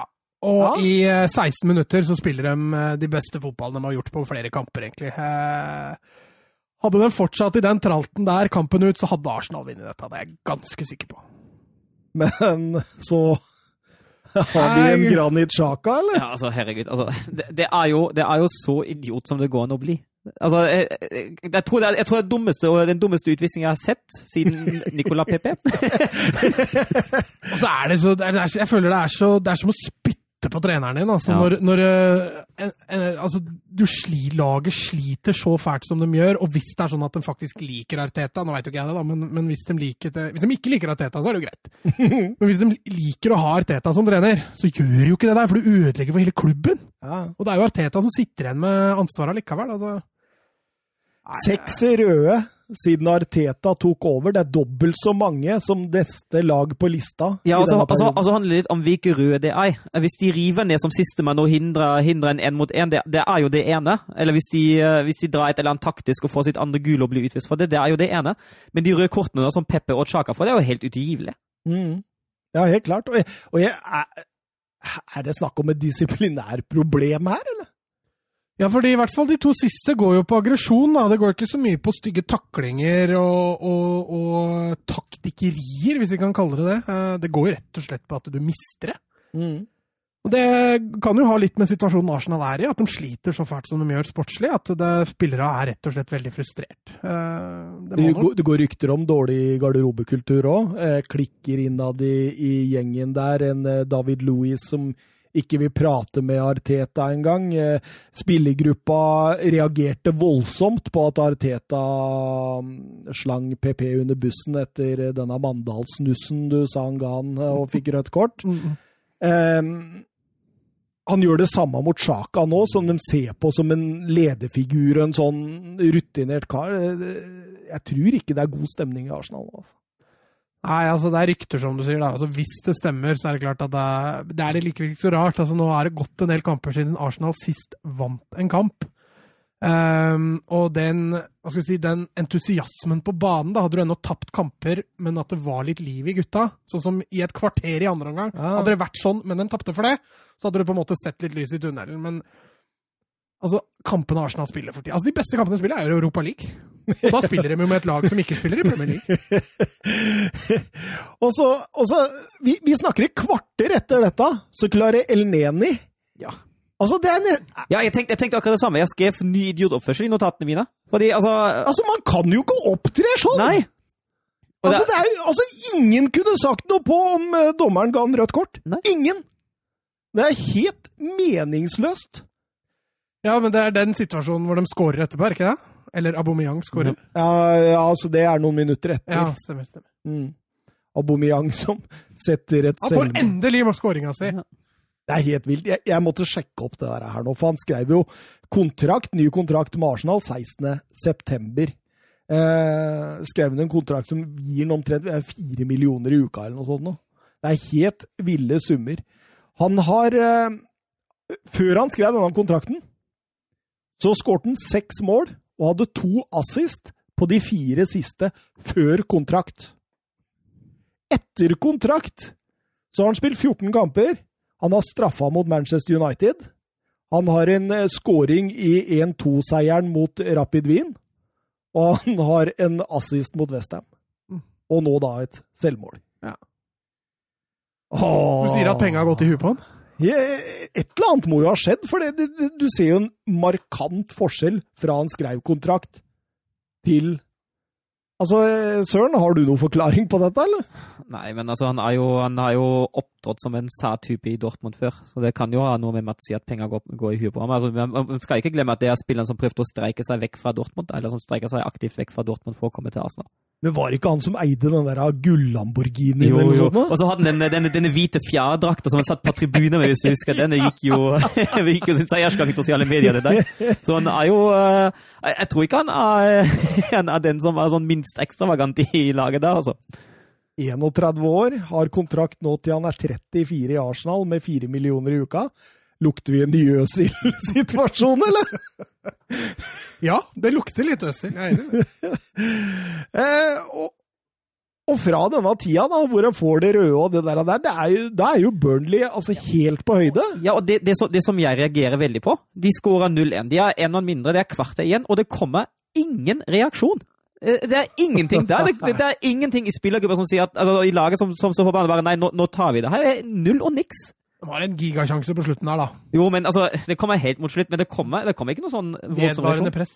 Ja, Altså- bro, bro, når, no Holding eh, header fra corneren der. Ja. Ja. Um, men det som Det er jo litt mentalt i det her òg, fordi du havner under med antall spillere, og du går litt defensivt i det og, og tenker at 0-0 nå er greit. Mm. Og så får du 0-1, og så greier du ikke å heve deg igjen, for det er ikke noe mer bensin på tanken. Det virker som det har blitt snakka om litt her nå, at eh, de er ikke villige til å ofre seg for hverandre eller for klubben, og det, det resulterer dessverre i at det blir fryktelig platt.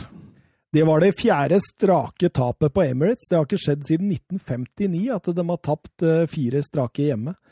Eh, Skåra ti mål på tolv kamper. Det er det laveste siden 81-82-sesongen, og da spør Jørgen B. Ready.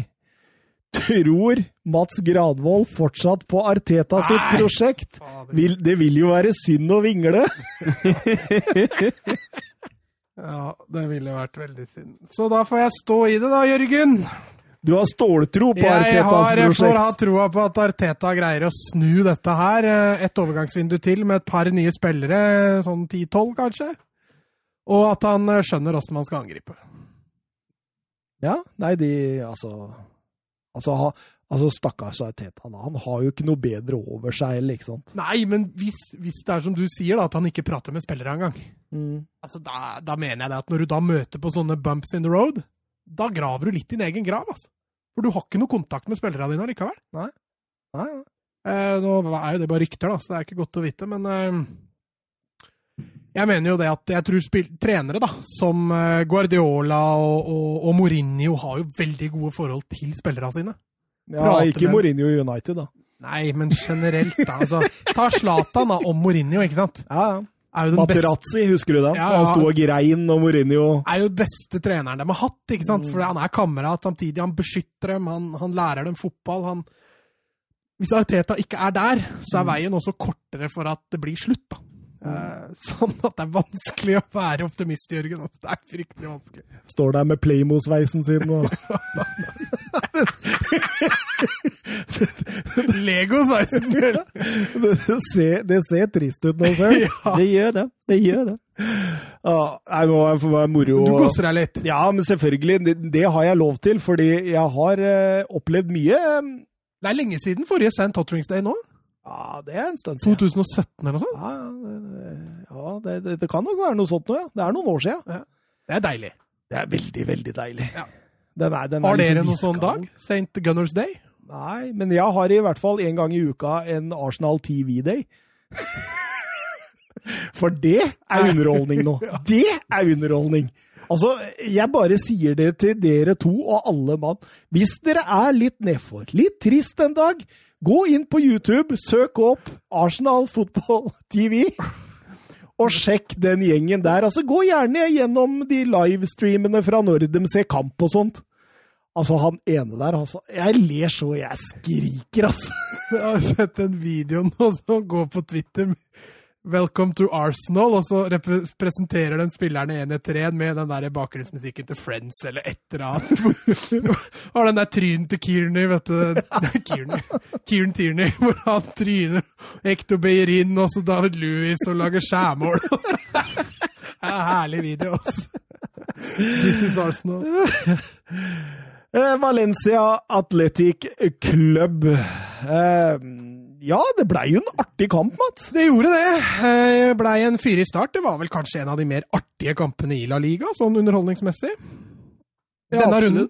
Absolutt. Eh, Jeg hadde ikke forventa meg så mye underholdning da jeg satte meg ned og se. Det var liksom en, en pressa Garitano mot et eh, Valencia som De hadde jo ikke vunnet siden 4-1 mot Real Madrid. Nei, det hadde de ikke. Og de hadde jo, de, selv om de faktisk har begynt å komme seg litt sånn fotballmessig, så har resultatene fortsatt uteblitt. Og, og selv om det også skulle gå slik i dag, så, så bøy Valencia mer opp til dans nå enn det de har gjort på lenge. altså. Syns også Atletic Club står liksom litt høyere nå og kjører opp bekkene. Kepa eller Nei, Kapa? Kapa. Kapa. Kapa Han er til salgs, Kepa! Altså, så hvis du vil ha han, så tror jeg de får den. Var det ikke der han var fra? Jo. Athletic Club? Ja. Kan hente den, faktisk. Eh, 24 minutter eh, får eh, Valencia et straffespark. Herregud, altså. Han får så vondt. Å, herregud. Maxi Gomez. Det, det er altså flaut å se på, så holder den seg sånn halvmeter høyere enn da han blir truffet bitte litt, eller det var bitte litt kontakt. Det det er flaut, altså. Men det er allikevel nok til at VAR ikke kan gå inn og si Ja, det er det, det er ikke Men han subber med den ene knotten på Ja. hans der, og han får så vondt i leggen. Men eh, Carlos Soler han eh, sender eh, Simon feil vei. Så du den straffa i slow motion? Mm. Det er en av de beste straffene jeg har sett. Han ser øya på keeperen hele veien. Han ser ikke ned på ballen når han skyter engang. Han ser på keeperen hele tida. Mm. Det er sjelden du ser straffetakere som, som tør å slippe blikket fra ballen hele tilløpet. Det er også spilleren i Europa som i topp fem-ligaene som har skåret på flest straffespark i år, sammen med Jamie Wardy og Mikkel Oyarzabal. Hæ? Ronaldo har ikke hatt sånn ti straffemål eller noe sånt? Ja? Det er mer Champions League. det. Ja, mer Champions League. Dette, dette er ligafotball. Dette er ligafotball. Ok, ok. Eh, og da syns jeg jo Valencia kontrollerer til pause. De gjør det. Eh, Atletic Bilbao eh, kommer liksom aldri inn i det. Eh, men, men kampen roer seg litt. Kanskje den dårligste perioden i kampen sånn underholdningsmessig etter 25 der, og så, og så ut. Eh, men, men dette tjener jo Valencia på, så det er ikke noe Men, men når, da Atletic Club kommer ut i annen omgang og virkelig skal jakte poeng, eh, blir Gracia og Valencia litt feige? Ja, både og. Jeg, jeg, syns, du er inne på noe. Uh, på en annen side syns jeg også at gjenvinninga til Bilbao fungerer veldig godt. da. Så det ser jo det ser litt dårligere ut enn det er, fordi planen er jo nok å, er jo nok å jakte det bakrommet da og sette nådestøtet på 2-0 på en kontring. Men det fungerer ikke fordi Bilbao er gode til å gjenvinne. Men jeg er enig, de slipper seg kanskje litt langt ned, altså. Jeg, sy jeg syns det blir litt sånn halvveis. Altså Når, når eh, markeringsspillet i boks da er på nivå med Diakaby sitt der på 1-1, så er det, altså, det er jo utilgivelig. Du kan ikke ha forsvarsspillere som gjør en så slett jobb i, i markeringsspillet i egen boks når du ligger lavt. Nei. Det går ikke. nei, nei. Du blir straffa til slutt. Asier Villa Libre han setter jo inn 1-1, som du er inne på der. Eh, Ja, Bilbao kommer seg rundt på kant igjen. Eh, Iker Muniain, som kommer inn, er eh, superfrisk. Nei, unnskyld, kommer inn. Han spiller jo hele matchen. Han blir bytta ut, faktisk. Men eh, han er superfrisk og, og får inn til, til Via Libre der, som får en overraskende lett jobb med Diakobi, som ligger både feilplassert og er fryktelig lite aggressiv i det presset. mm. Mer flyt og mer trøkk i duellene nå fra Atletic Club. Jeg syns de kjører nå, og får jo Mm. også straffespark og 1-2. Ja, det er litt som du sier, da. Valencia har blitt veldig baktunge. Og når du først får en i kassa etter å ha vært baktunge en liten stund, så er det vanskelig å omstille seg. Eh, og, og jeg syns Bilbao er flinkere til å utnytte ultimatum enn ultimatum. Hva er det heter det for noe? Mm? Hva er det heter det for noe når du har kampen? Momentum. Momentum, ja. Takk. Mm. Ikke ultimatum. Utnytte ultimatumet sitt. Utnytte ultimatumet sitt. Utnytte momentumet sitt i kampen enn det f.eks. Palace var, da, når vi snakka om den eh, Tottenham-kampen. Um, så de, de, får også 2-1 der. Eller straffe, da. Ja, altså, Litt billig. Ja, gjør veldig mye ut av det der, Muniain nå. Slakta vi går med, så bør vi nevne Muniain òg, Altså. Eh, Raúl Garcia skårer jo da på sitt første touch i kampen, for han var jo kommet inn 14 sekunder før. Ja, apropos midt i mål-straffer, som er dårlig. Mm. Eh, litt svakt keeperspill, egentlig. At han ikke tar den. Ja. Ja, han får den jo, får den jo rett på seg, nesten. Men Valencia var ikke død, Søren Dupker. Nei, de var ikke det. Og de får jo, de, de får jo litt hjelp der opp. Ikke litt. De får jo masse Ja, greit. De får Nei, masse Simon hjelp. er jo død! Ja, herregud, altså. Det var en kolossal feilberegning. Uh, frispark fra, fra venstre kant, så kommer innlegg, så seiler Simon elegant forbi ballen. Og så blir det enkelt. Det ser dumt ut òg. Ja, markering, markeringsspillet på bakerste har svikta totalt, det også. Han står helt aleine. Og Vallejo får jo en kjempeenkel jobb, ja. Og han eh, samme Vallejo kunne jo faktisk ha Han har brent noen eh, viktige sjanser. og Selvfølgelig, det målet der redder et poeng, men der kunne han skåret et til, og så hadde de fått tre. altså. Ja. Og så skal vi, til tross for et nitrist uh, Manchester Derby, til kanskje rundens absolutt kjedeligste fotballkamp. Getafe mot Sevilla. Nei, her fikk vi jo et mål. Ja, men Det skjedde ikke så mye annet ellers, altså. Altså, dette er to lag som møter hverandre litt i døra, hvis du skjønner hva jeg mener. Altså, Dette er to lag med ganske lik filosofi og har vært det siste rundene. Getafe er et krigerlag. Sevilla har blitt mer og mer et organisert lag. Ja, men et vakkert sjølmål, det kan vi i hvert fall eh, jeg, jeg, jeg skrev her i notatene mine, ser jeg, at eh, jeg gir opp. Må være så ekstremt glad i fotball for å synes at dette er moro. altså, vet du hva? Det, det, vet du hva? Jeg, jeg, ah. Hvis jeg ikke kunne kosa meg litt med stopperduoen Diego Carlos Jules Condé, som Altså, de, de, de virker jo som de er 35 år begge to, har spilt sammen med hverandre i alle år. Og den lille X-faktoren til Schulz Condé, at han hele tida tar de løpa med og er med opp, eh, så hadde dette vært Altså, Frisparket til Jordan, da. ja, i tverra der Fra Eh, det- det- 75 meter. Den er helt greit, men altså, Sevilla blei med dette det første laget i La Liga, ifølge Oppda, som vinner en bortekamp uten et eneste skudd på mål. I, siden Oppda begynte å regne på dette i 2003-2004. Mm. Men det sjølmålet var vakkert. Altså Et herlig innlegg der. Han stupede ballen nydelig inn i lengste der. Og jeg tror Lewandowski også hadde vært strålende fornøyd om han hadde skåret. ja, det tror jeg. Lewandowski hadde vært stolt av den. ja. Shabir Cheita er eh, litt keita, kan vi si det sånn. Keitete i måten han skal klarere den på. Men jeg tror vi heller drar rett over til eh, El Darby Madrolino. Madrilenio. Madrelenio. Madrelinho. Madrelenio.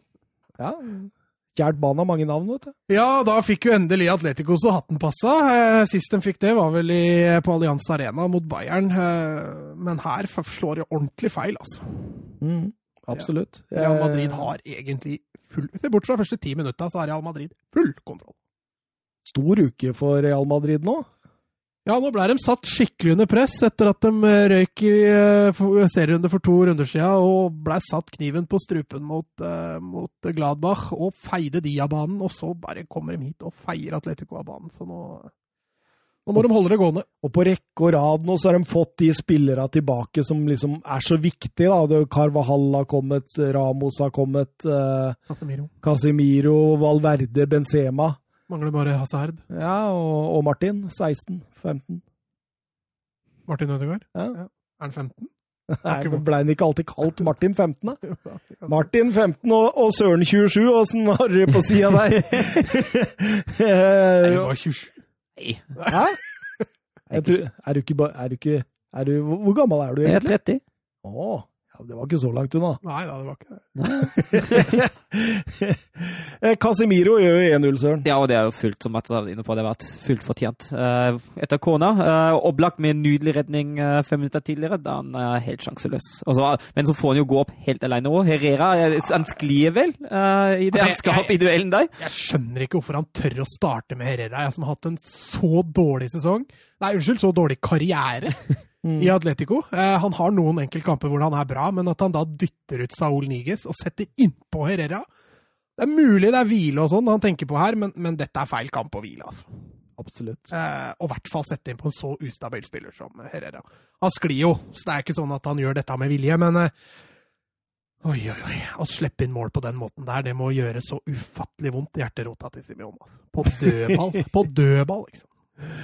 Ja, og så får jo Real det veldig som de ville, da. Nå, nå, er det de som ligger godt og stabilt i forsvaret. Det er ingenting Atletico skaper første 45.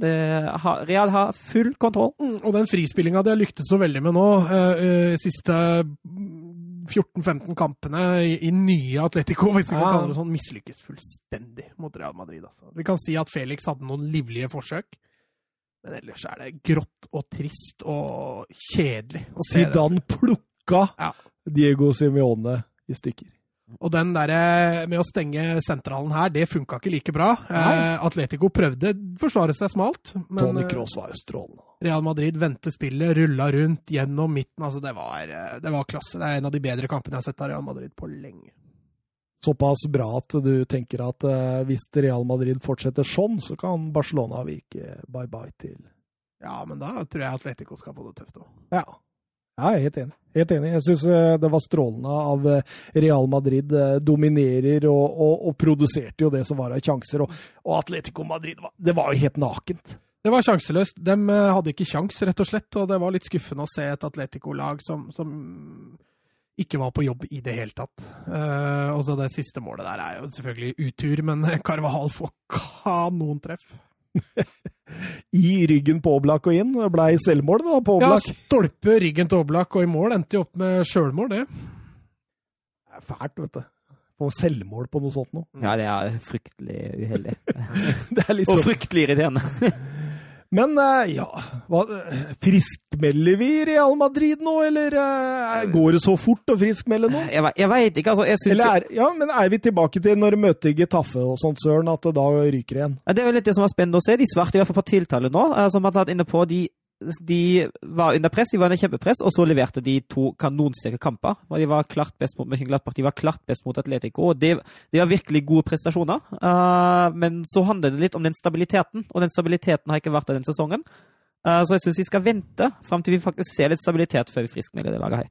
Hun møter en Bilbao i dag, da, så det blir spennende å se åssen det går. Men, men det er litt sånn om ikke et hatt sånn historisk oppgjør. Eh, mm. To lag som aldri har rykka ned fra La Liga. Så, så, at Real går dit og vinner, det tror jeg de gjør. Eh, men så blir det spennende å se hvordan de responderer videre etter det. Eh, de skal jo ha bl.a. Granada, og det blir jo tøffe kamp for dem. Og... Nei, det blir spennende å se hvordan de responderer. 26 strake uten tap comes to an end for eh, Diego Simione der. Og, og Benzema, han er nå den første eller den spilleren uten spansk pass som har spilt flest kamper for Real Madrid. Mm. Han uh, kan jo nevne også at sist Simione tapte i La Liga, det var mot Real Madrid. Ja. Så det er uh, Zidane han sliter med å plukke, altså. Taktikeren! Geniet Zidane! Kan skyte inn at uh, Wolves har snuttet mot Chelsea fem minutter på overtid. 2-1. Oi! Oi. Oi, oi, oi, oi. oi. Ja, friskvelder i Wolves, da. friskvelder i Wolves. Eh, Barcelona Levante, Mats. Det, det, var jo et Levante her som spilte på en sånn safety first, men vi skal faktisk angripe når vi først gjør det. Ja, at Levante kommer derfra uten å ha skåret, det kan de takke seg sjøl litt for. Eh, for de, de var absolutt farlige frampå et par ganger, og har et par, var vel aleine med Terstegen to ganger uten å skåre. Så Barca er sånn sett litt heldige, men, men, Barcelona styrer jo denne kampen fra ende til annen. Har eh, ballen klart mest. Eh, ja, vel fire ganger så flere avslutninger som, eh, som Levante, men, men igjen, altså, det er, det er så Altså, er, jeg blir så sliten av å se spillere spille i feil posisjoner. Mm. Altså, nå Altså, er Mulig Koman ikke hører på denne podkasten, men nå har vi sagt det så mange ganger. Coutinho er ikke venstrekant. Altså, Han underpresterer hver gang han spiller i denne venstrekantrollen. Braithwaite er ikke fotballspiller. Nå må Koman snart se det. Altså, Han er fullstendig ubrukelig feilvendt i, i, i, um, i gjennomspillet. Du kan bruke han rettvendt i boks. That's it. Og det er så sjelden Barca bruker det, så det, hva er poenget? Mm. Eh, og så kan vi også ta med det med Grisman Nå har Grisman spilt to veldig gode kamper i år. Begge har vært i fri rolle bak spissen, men der skal ikke Koman bruke Griezmann. Og det syns det er så slitsomt å se på. Og Porch, da, som kommer inn mot Juventus og er egentlig Barcas beste spiller. Ja. Rett på benken igjen. Ja. Jeg blir så sliten, altså. Men likevel, da. De hadde, de hadde voldsomme avslutninger mot denne Aitore Fernandes. Han fikk kjørt seg. Han fikk eh, Han måtte på jobb. Han måtte jobbe.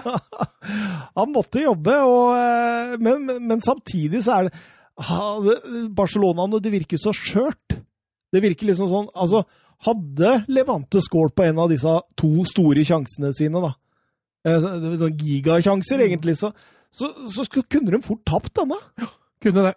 Uh, og dem, eh, altså, målet kom jo som en følge av en, en, en stygg feilpasning i, i frispillinga til Levante, som uh, de Jong snapper opp og spiller fri Messi, som, som endelig skårer, får vi si. For han hadde en del grove bom i den kampen, Messi. Også. ja, han skøyt og skøyt. Ja, også flere ganger fra favorittposisjonen sin, hvor han eh, kombinerer med Alba. Eh, veldig ofte tidligere i karrieren så har de gått inn. Messi var involvert i 15 avslutninger mot eh, Levante. Altså, han hadde 12 skudd sjøl, og så hadde han tre pasninger som leda til skudd. Mm. Det er mest av en spiller i La Liga denne sesongen, eh, så han forsøker i hvert fall, Mat. Ja, jeg syns han er litt på jobb i dag. Eh, men det, det, han, han, touchen sitter ikke helt. Du ser et par av de driblingsforsøkene, så, så mister han ballen litt lett. Innimellom så virker han ikke helt orientert.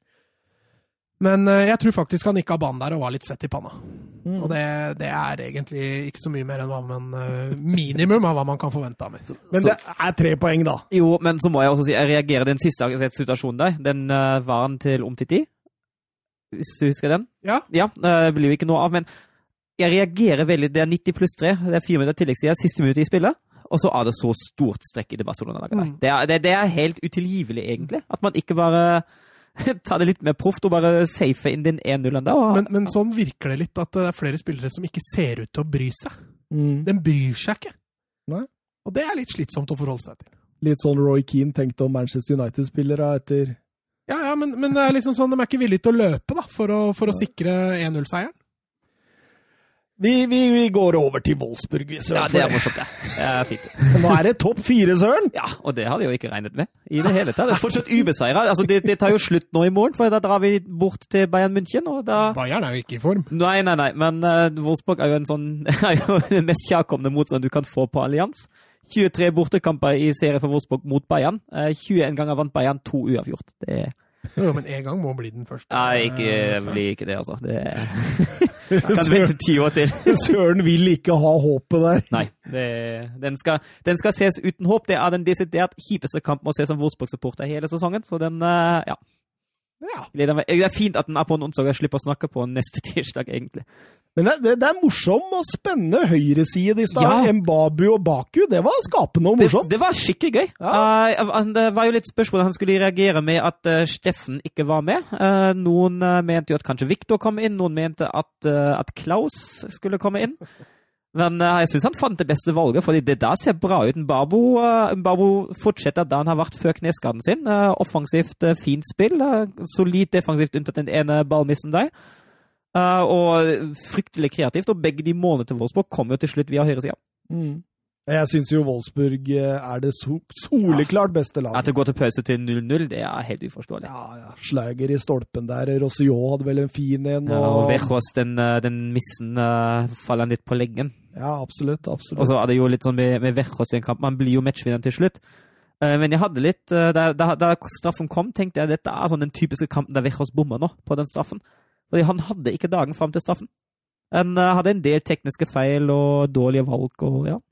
Men samtidig, nå, nå er han oppi på sånn der Det, det drives og skrives om at det har ikke skjedd siden Edin Seko og sånne ting, Søren. Ja, han har jo skåra i fem kamper på rad nå. Det er seks kamper på rad. Det er vel to spillere som har klart før for, for, for, Wolfsburg, og det er Edin Djeko og det er Andrzej Joskowiak. Ikke Grafita? Nei, han har ikke gjort det. Det er så rart. Når du tenker spiss og Wolfsburg, så tenker du Grafite, Djeko. Ja. Ja, altså faktisk Vegårs nå. Ja. Jeg syns han Han begynner å nærme Ja, ja. seg toppen der. men, men der ser du det motsatte av hva vi har snakka om med Gabriel Jesus. Der ser du en sånn present i boks. ikke sant? Ja. Men han er jo en boksspiller, da. Ja, Ja, men så, men så altså, altså, Han tar alle de defensive løp nå. Han jobber, han jobber iherdig for laget. Han blir oppgitt og sur og misfornøyd når det går dårlig. og eh, Herlig type. Herlig fotballspiller. Sånn, sånn spiller som man vil ha på laget sitt. Men pasninga til Sleger fører 2-1 der. Den, den er høyklasse. Jeg syns, det er veldig fint, fordi Slager har så langt ikke hatt sin beste sesong. Han virket litt trøtt. Han har hatt mye med landslaget og klubblaget, og begynner å komme seg litt mer nå, også. Altså, hvis du skal omtale en pasning som skreddersydd, Mm. så er det det. Ja, fordi altså eh, Vegårs han bør ikke gjøre noe med løpet sitt. Han, han, han er veldig smart inne i boks der, men han bør ikke gjøre noe med løpet sitt, for den pasningen den bare glir inn i løpet. Perfekt Sånn at han kan bare Ja, det det, er så deilig, og, og det Altså, Wolfsburg spilte jo en haug av uavgjort i starten. Ja. Tenk hvis noen av disse hadde bikka seire i, i starten, Søren. Ja, og det, det, det, altså, det var jo Det var jo særlig de kampene mot, uh, mot Mönchenglattberg og var vel Augsburg, da jeg syns Wolfsburg var best og har gitt bort litt poeng. Var heller litt heldig mot uh, Freiburg og Hertha. Det er litt sånn det jeg sa i starten. Jeg hadde heller vunnet to og tapt to. Ja, jeg skjønner jo det. Det hadde litt mer, gitt mer poeng. Ja. Men, Det gjør eh, det. Akkurat nå så er ikke Wolfsburg topp fire. vet du. Å, for nå er Ja, det er jo kamp, eh, kamp igjen, da. Det Ja. det. Men i morgen er de topp fire igjen. Tvil, ass.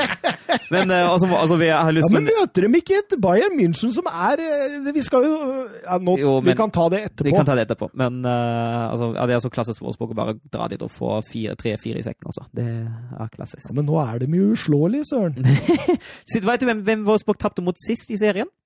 I serien? Mm. Uh, nei. Det er Bayern München. 34. runde forrige sesong. eh, 4-0 hjemmetap mot Bayern. Det er Men det er jo veldig imponerende, da. Men du, nå skåra akkurat Verde Bremen, så nå er de topp fire igjen. Oi, Dortmund, Dortmund fortsatt i trøbbel, ja. Og så har jeg lyst til å bare nevne John Anthony Brooks. Jeg ble jo spurt for to uker siden, og så sa jeg jo at han presterer bra nå, men man sitter og venter på en ny blemme. Og ja. Ja, da. Da, da, da, der kom den! Så faktisk, så faktisk i, i et Wolfsburg-forum før kampen, og så var det flere som skrev det er egentlig Brooks sin dag til å prestere en tabbe igjen. Ja. Ja, men Brooks, han eh, Det virker jo som eh, Glasner har eh, ståltro på at han eh, er den rette, da. Ja, akkurat, akkurat nå i hvert fall. Altså, ja, akkurat nå han, altså, han, han, liker, han liker jo det med venstrefot og, og høyrefot i forsvaret. Jeg tror jeg han har to venstreføtter, faktisk. Lacroix også. Venstrebeint. Men det som er egentlig er sikkert planen, er jo å bruke Pongracic mye mer. Men så hadde Pongacic kyssesyken i begynnelsen av sesong og brukte lang tid på å komme seg fra den. Så kom han seg fra den sånn noenlunde, så dro han på det kroatiske landslaget og fikk covid der. Så var han ute igjen, og så har han eh, tilgjengelig nå. Nå er Brooks eh, ikke klar til Bayern-kamp, ryktes det i morgen, og da er Pongracic blant alternativene. Krysser fingra. Kan hende at det blir uh, Gilavogi, Pongracic eller Zirsleben. Vi skal over til Dortmund mot eh, Stuttgart, og, og jeg flirer jo litt, fordi Utover i eh, andre omgang så kan du ikke noe annet enn å Ja, bare sitte jo, men jeg, jeg, jeg tenker også før kampen. Jeg tenker på det der fordi uh, nå er Haaland skada, da kjører ikke Via Sportstudio. Nei. Det er sånn Ja, dere har ferie, dere får dra, Haaland er skada. Ja, Haaland TV. ja det, det er jo litt sånn. Det er jo veldig Haaland TV. Og det er liksom det som har irritert meg litt med Viasport.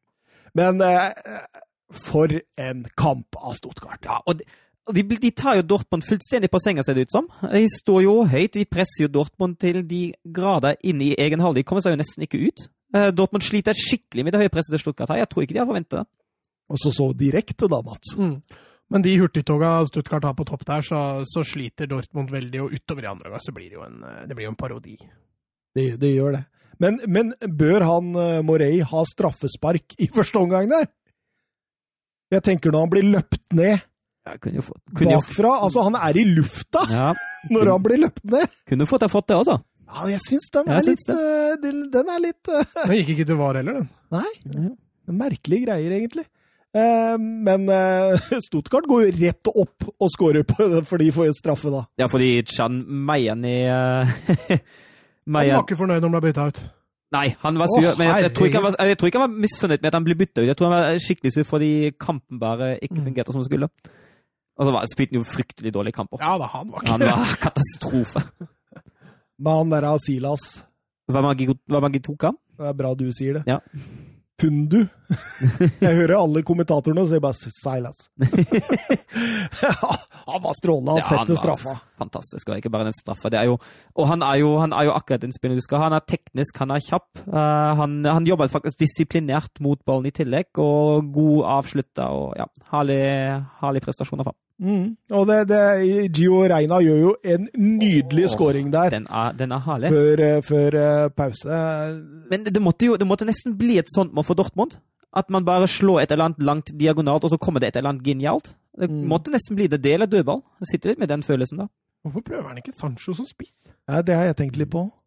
Jeg syns det er litt rart. Nå har han prøvd Brant, Brandt, funker ikke. Han har prøvd Royce flere ganger, funker ikke. Og nå, nå får han ikke prøve. Nei, nå er det jo ferdig å prøve, så. Ko- Kom den litt overraskende, Søren? Han, han var jo bare kontrakt ut sesongen. Ja, han er kontrakt ut sesongen. Eh, det var jo Men han, Litt- han som tar over nå Uh, Ja, han eh, Edin Terzic. ja, han, han ser jo ut som en snowboarder. han gjør det, men det som, det som er jo litt interessant med, med den ansettelsen der, uh, at, og hvis man ser på de ryktene som, som nå er på etterfølger der igjen, uh, at Dortmund nå går veldig tilbake til, uh, til den Klopp-typen. Eh, det som er, Terzic var jo assistenten til Favre, men han var ikke sånn best butt med ham. Uh, han, han er ganske emosjonell, men han måtte bremse seg sjøl litt, Uh, av respekt for Favre. Og hvis han ikke bremsa seg sjøl, da ble han bremsa av Favre. Så han var ikke alltid på bølgelengde bølgelengde med ham. Favre er sånn veldig tålmodig, sånn, sånn snill, rolig type. Veldig analytisk av seg.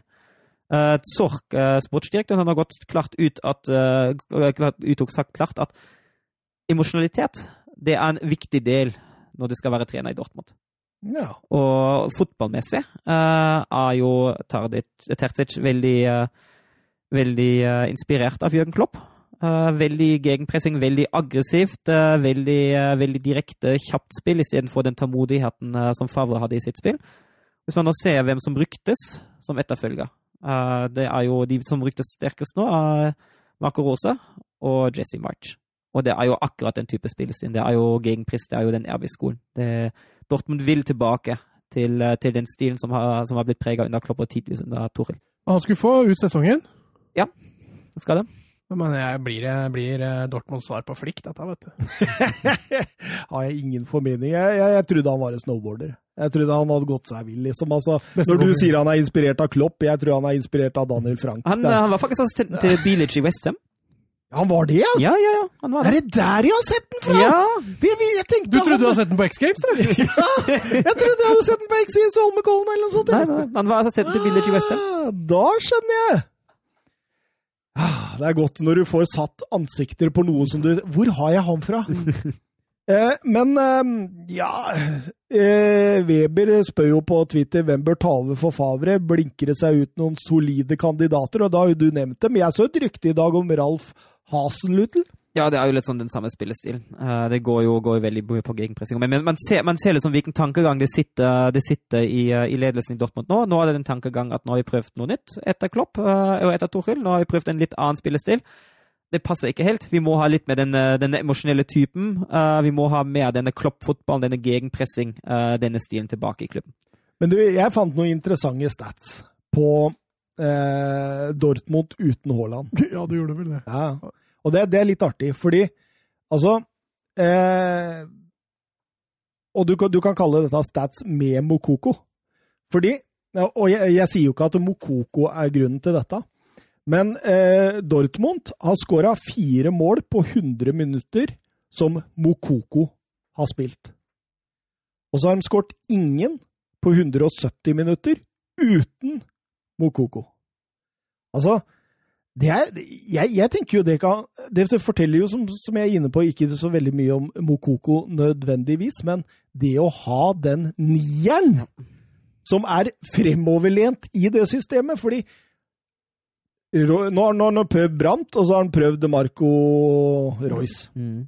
Og begge to står jo med ryggen mot motstanderens mål. Og vil ha ball i beina. Ja. Så med en gang Mokoko kommer inn, så tar han noe løp inn bak, og du får strekk på det. Så det Altså, uansett, da, for denne Terzic, så burde jo han bare kjøre inn eh, Som du sier, hvorfor prøver han ikke Sancho? Mm. For da får du de bevegelsene, i hvert fall. Mm.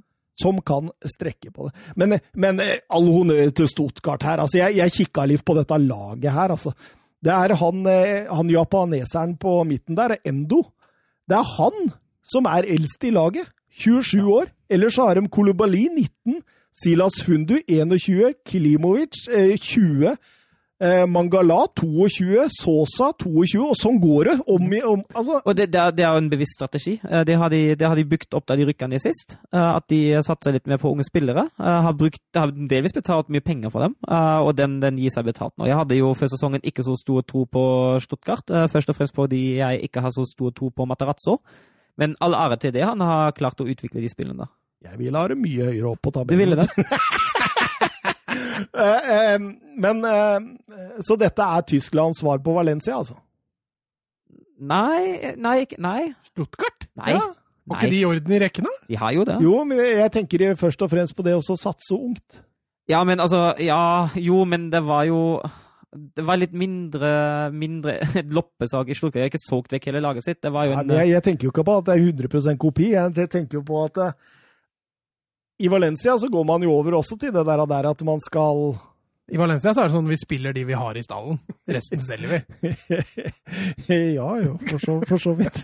Spiller ikke rolle om du er god eller dårlig. Er du her, så spiller du. Men artig med Stuttgart, da. Jeg syns det er kult. Ja. Eh, kommer til å glede meg neste gang jeg skal sitte og se Stuttgart, faktisk. Søndag mot Wolfsburg. Ja. Det, det, det, det blir bra. Skal vi ha ho hovedkamp, eller? eh, Borussia München, Gladbach, Hertha, oh. Berlin 1-1. Snork. I hvert fall første omgang. Sork heter den, søren. Nei, men da, da, ser, man, eh, da ser man at, eh, at Glattberg eh, sparer sine beste spillere, i hvert fall offensivt. Der står de med Traoré, Wolf og Herman og Embolo på topp. Ingen Stindel, ingen Tyram, ingen Plea. Det, det blir tydelig. Man ender opp med en XG på 0,1 mot 0,2 i første omgang. Det skjer veldig, veldig lite. Formen til Gladbach nå, den er fallende. Ja, den er dårlig. Og litt sånn Champions League-bakrus, eller? Mm, Men de var jo svake mot Real Madrid allerede. Det kan du godt si. Eh, men Så må jeg jo si at Hertha gjør det jo bra. De, Og eh, Gendosi, eh, han eh, Ja. Alle som drar fra Arsenal, gjør det bra. ja, det er en Nydelig avslutning der. Ja, Strålende. Men så er det jo det missen til Zakaria der ved egen boks. Den er tung å svelge. ja, den, Men hver, hver, går han glipp av Altså, jeg, jeg tenker liksom dere Finner han ikke alternativer, og så blir han bare Fordi han har jo så god tid! Ja, han har jo det. Jeg skjønner ikke hva han tenker på der. Nei, det er jo det er en strålende spiller. Ja, det er jo det. Og det, det, er veldig, er veldig sjelden man ser sånne blemmer av ham. Mhm. Men uh, ja. Og så er det jo det, jeg, altså, jeg sa jo XG01 til 02, men jeg syns det er litt fortjent. Jeg syns Hertha gjør en, uh, gjør en god førsteom. Jeg syns Hertha er, er gode til å, til å stenge av Borussia Mönchengladbachs offensive prøvelser. og spiller en, spiller en bra bortekamp og er ikke ufortjent at de tar ledelsen da. Men uh, det er strålende mål på 1-1 der. Ja, å herregud. Det er et herlig angrep. Og det er jo det er one touch, det er to vendinger, det er utnyttelse av, hjertet, av at Hertha er smale, og det er perfekt. Det blir et uh, naturlig uh, München-Gladbach-press mot slutten, men Bruno Labadias menn de holder ut. Ja, og det, det er liksom to årsaker. Altså, det første er at, Bruno, altså at Hertha er gode uh, til å hindre Mönchenglappar-avslutninger i helt strålende posisjoner. Det er noen halvgode muligheter, eh, men det blir litt vanskeligere. Og så er avslutningen rett og slett ikke gode nok. Men, men, altså, men jeg syns jo det blir litt bedre når eh, Plea, Leina og Turam kommer inn etter, etter 64. Da ser man jo at det blir litt bedre angrepsspill for Borussia. Men de hadde ikke helt dagen uansett. Nei. Noen andre som hadde dagen, i hvert fall i første omgang, det var RB Leipzig, som hadde full kontroll på Verde Bremen i første omgang, og la jo grunnlaget i den omgangen, syns jeg. Eh, Ja. Strålende. Men den 2-0-skåringen Ja, det er herlig. Kom hjem, Olmo! Kom hjem! Vi trenger deg! Til Barcelona. Men altså, men, altså da, altså Bremen, eh, Bremen står jo trygt de første 20. Uh, men så begynner jo Nagelsmann å beordre Mokiele mye mer opp. Og da skaper det det rommet og de bevegelsene som han trenger offensivt for å få litt mer gjennombrudd, for å få litt mer, for å få litt mer tilstedeværelse rundt den boksen der. Og som var jo, altså, Augustinsson forærer jo 1-0 til uh, Til Leipzig der. det, det, det, der er forferdelig, altså. For Det er en klønete måte å gå på. Mm. Når du går med arma sånn høyt over huet. Så langt ute i 16-meteren, lengst ute. Da. Du, du, han er ikke farlig, det er ingenting, og så skal du inn og Nei, jeg liker ikke den. Men Sabitzer setter 1-0. Det var en Sabitzer som var litt tilbake til den Sabitzer jeg husker nå. Ja, enig. syns han var strålende denne kampen her. Kommer seg mye mer etter skade. Mm. Eh, og så er det vel lov å si at eh, Leipzig tar av foten av gasspedalen i annen omgang. Veldig. Men altså, de, de har jo fortsatt noen sjanser der. eh, både De er så godt strukturert og organisert at Ja. det, de, de, klar, de klarer faktisk å se ut kamper Ja. på sånne Ja, og Bremen er jo fryktelig harmløse. De har én mulighet etter to minutter, og så er det det hele.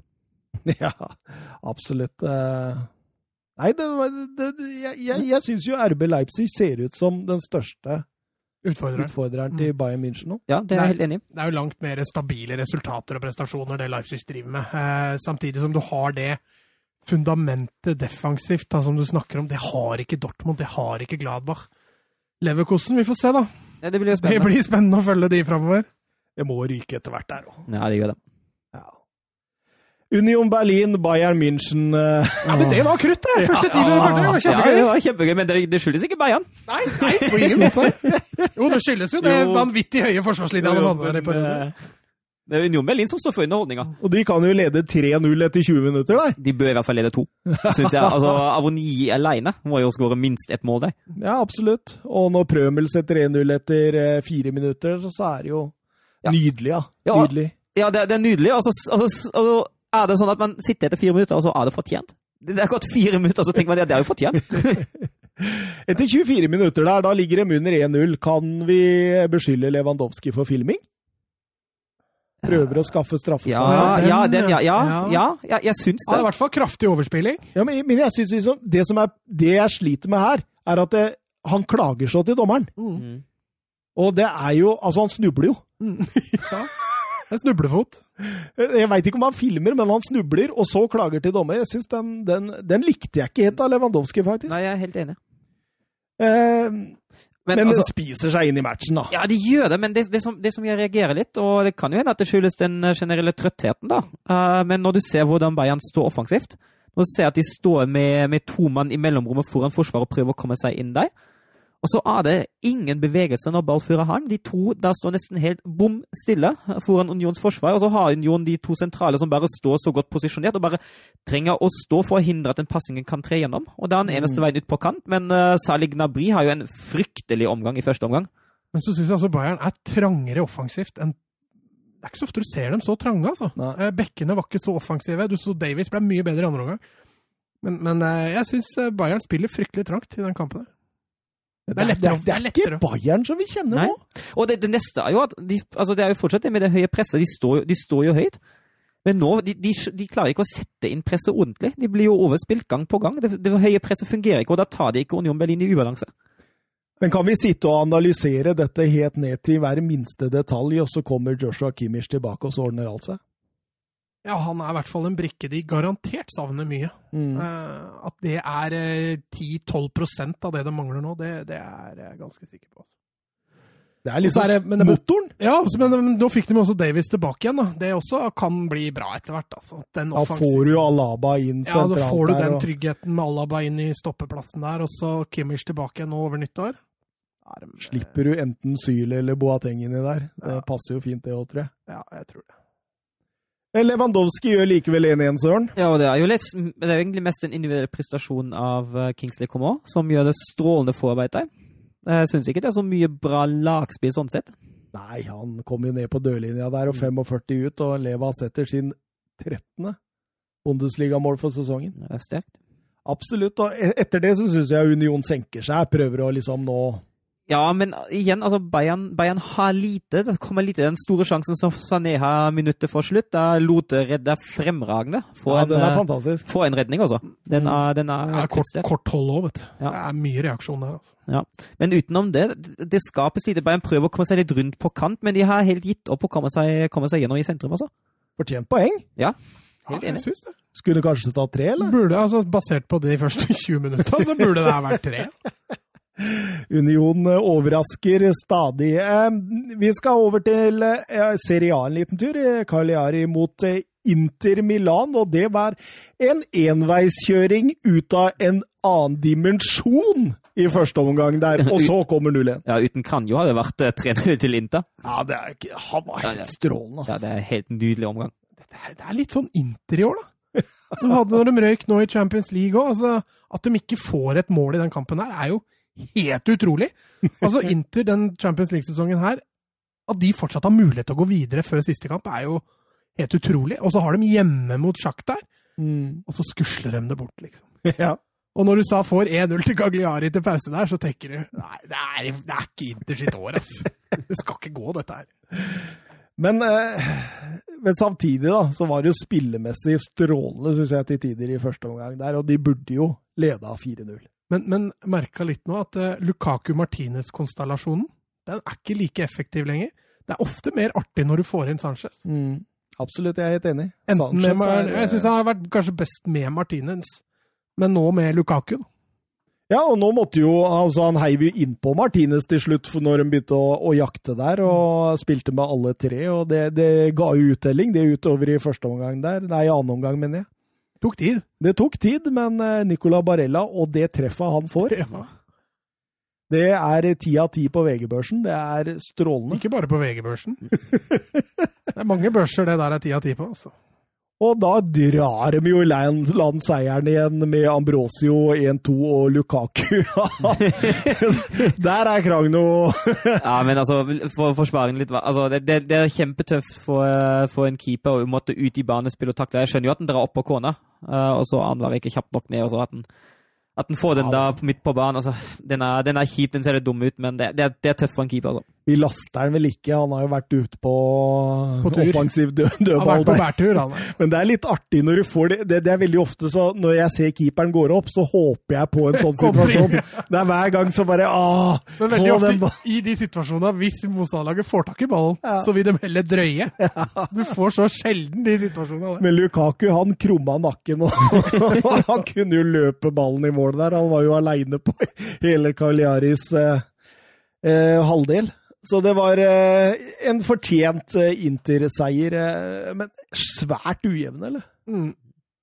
Eriksen fikk eh, prøve seg fra start. Ja, han måtte jo få sjansen igjen, han. Han er vel på vei bort, han. Prøver å øke verdien på han før de selger den i januar. Helt sikkert. Eh, Genoa mot eh, Juventus. Ja, Da har vi jo det stikk motsatt av den uh, Inter-kampen, for det var en kjempesvak første avgang, omgang av Juventus Turin. Ja, helt enig. Helt enig. Det er eh, og, og, og Ronaldo usedvanlig svak, egentlig. Ja, men han har vel ikke generelt en sånn spesielt god kamp. Men jeg syns også Juventus, selv om det blir bedre, andre ikke, det er ikke fyrverkeri dette. her. Altså, Dybala sin, sin eh, prestasjon til 1-0 her er jo, er jo verdt hele matchen. Det er klasseskåring, altså. Men, men, men samtidig, Genoa har jo ingenting. Nei, det Nei, Nei, er altså, altså Stensny han kunne jo arrangert et sånt uh, cocktailparty med koronaavstand for ti mann. Eh, uten å å ha noe mer å gjøre. Uten å liksom bli belasta noe som helst, for det var jo total fri på banen. Ja, det var jo, det var jo fokus på det defensive, og det, det ble tydelig hele matchen. Altså, hadde det fungert om de ikke hadde slått seg sjøl med to helt idiotiske straffespark. Ja, fordi eh, Dybala setter jo 0-1. Han var glad han når han fikk Ja, fin skåring òg. Liker sånne mål. Eh, Sturaro satte 1-1 fire minutter etterpå. Da tenkte du oi! Men så eh, får jo Ronaldo og Juventus to straffespark mot Ja, slutten. og, og altså den første der, Cuadrado, han er på vei, han er på vei mot dørlinja. Har ingen fare der, og så blir han felt fryktelig klønete. Det er straffe, og det er dumt. Og den andre, denne, denne tilbakespillinga deg. Altså, hva foregår i hodet ditt der? Det er måten keeperen går ut på, da. Når du strekker fram knottene først. Det er rett i leggen. Altså, det er Nei, jeg kan jo på grensa til å være heldig å slippe det røde kortet der. Altså. Ronaldo blir dermed den første spilleren som når 400 seire i topp fem-ligaene på 2000-tallet. Messi er nærmest. Han har 365 seire, og Buffon på tredjeplass med 350. Ronaldo har altså 77 mål på 100 kamper for Juventus. Det er jo enorme tall. Eh, 72 på straffespark, men likevel. Jeg måtte se for deg om du mente det eller ikke. Du begynte å telle nå! Hva har 72 straffespark, tenkte jeg. Ja, ja, kan jo stemme. Ja, det var vel to straffespark han skåra mot Barca òg, Ja, ja, nei, han har jo fire straffemål nå på de to siste kampene. Så. Eh, Milan-Parma. Eh, Stolpfest. det var stolpefest. Oi, oi, oi. Men, eh, Hernani, da. Det Ja. var eh, nydelig Gervinho som snurrer rundt med Kalulu på kanten der. Altså Kalulu, som hadde gått inn for Gabia, som har allerede gått inn for Kjær. Så det, det, det begynner å bli tynt i rekkene, søren. Ja, man, man så det. altså Nydelig av, av Gevinio. Han eh, fortjener all skuta. Eh, han, eh, Det er jo og det er jo akkurat den spilleren du vil ha i en sånn overgangssituasjon, når du gir ham litt rom og har fart og teknikk til å få noe ut av det. Mm, absolutt, men det er jo ja, altså det er jo Milan som kjører. Utvilsomt. Uh, Men de sliter med omsetninga, og det gøy når Hauge da kommer inn til pause, skjønner at de trenger en nordmann inn der for å, for å få litt liv i dette. vet du. Men jeg syns han var litt anonym, jeg. Ja, han var litt Ja. anonym. Var ikke altfor mye han var involvert, nei. Og de skårer jo 2-0 der òg, med Kurtic. Eh, Ja, da står stopp meg Parmas, Pamas venn, men Milans uvenn. Det kan du trygt si, og, og, og den blir jo egentlig redda av en av verdens klart beste offensive venstrebacker. Han har gått eh, fra Atletico til Real, og nå er han og herjer altså i Milan på sin eh, Han har vel vært der nå i snart fire år, men eh, de to siste årene har vært fantastisk offensivt. Og to skåringer i denne matchen her bidrar vel til sitt. Shananoglu hadde tre i treverket. Og så var vel en til fra Leao? Eh, ja, det kan det godt Ja. være. Jeg husker ikke helt hvem som var den siste, men det var enormt i hvert fall. I, altså, Diaz var det? Dias. Diaz. Og det var tre Det er bare tre spillere i Serie A's historie på 2000-tallet som har hatt tre baller i, i, i treverket. Skal vi gjette? Nei, jeg tror Eh, ikke dere Totti, klarer Nei, Del Piero klarer og Pirlo. Immobile. Ja. Immobile, Ja. Sala og Di Napoli. Og så er- altså, er det jo litt sånn, litt sånn synd, for han gjør jo egentlig alt rett med de avslutningene. Det er jo gode avslutninger han setter i stolpen, og så er han egentlig bare uheldig. Og at eh, etter at Atletico Madrid tapte Madrid-derbyet nå, så er AC Milan det eneste laget i topp fem-ligaene i Europa som ikke har tapt etter lockdown. Sterkt. Det er sterkt av Pioli og, og, og nå, liksom. De får jo mål på overtid. De nekter Mm. å, å tape. Ja, og så er de jo, som du nevnte, litt skadeutsatt defensivt. Det mangler fortsatt Zlatan. eh, Så det er, det er sterkt det Milan driver på med. altså. Yes, yes, vi Ja, skal men nei, men de har Å, du tenker seriespill nå? Ja. De tapte jo Europa League. Ja, ja. seriespill, ja. Det er det jeg alltid Oppda drar på. Hvis ikke, så skriver de i alle turneringer. Ok. Mm. Eh, vi må over til et spørsmål, og det har vi fått av Alex eh, på Twitter. Eh, Alfakrøll Andreball. Heter han det til etternavn, eller? Alex Andreball? Det er kult. Det er kult. Mine mine favorittspillertyper som Alonso, Scholes, Pirlo, Carrick, Xavi og Busquets. Det var, var litt av en liste, dette her. Eh, han har eh, tydeligvis en høng for, eh, for eh, gode playmakere. Mm. Eh, er en sjelden vare. Men er det noen unge spillere med stort fotballhode på vei opp nå, eller er det litt tørke? Altså Akkurat nå av de aktive store stjernene, så er det ikke så mange av den typen der eh, som løper rundt utpå der. Hvis du tenker ungdommen nå, da, så, så kan jeg trekke fram Tonali. Jeg tror han fortsatt blir, eh, blir strålende i den rollen. Mhm. Sandro Tonali. Han er Ja, fordi altså Han er jo en slags Pirlo. Han er jo en, Kommer fra Brescia der og Sønnen til Pirlo. Sønnen til Pirlo, ja. Eh, men det, det Han nevner så gode fotballspillere som på en måte har satt uh, footprints over hele Europa. ikke sant? Mm. Det er så gode fotballspillere at det, det, er, det er vanskelig på en måte å, å dra de parallellene til unge spillere i dag. Jeg, jeg kan jo se for meg at en, en Jude Bellingham kan utvikle seg til en sånn spiller. Det samme med Eduardo Camavinga i, eh, i renn.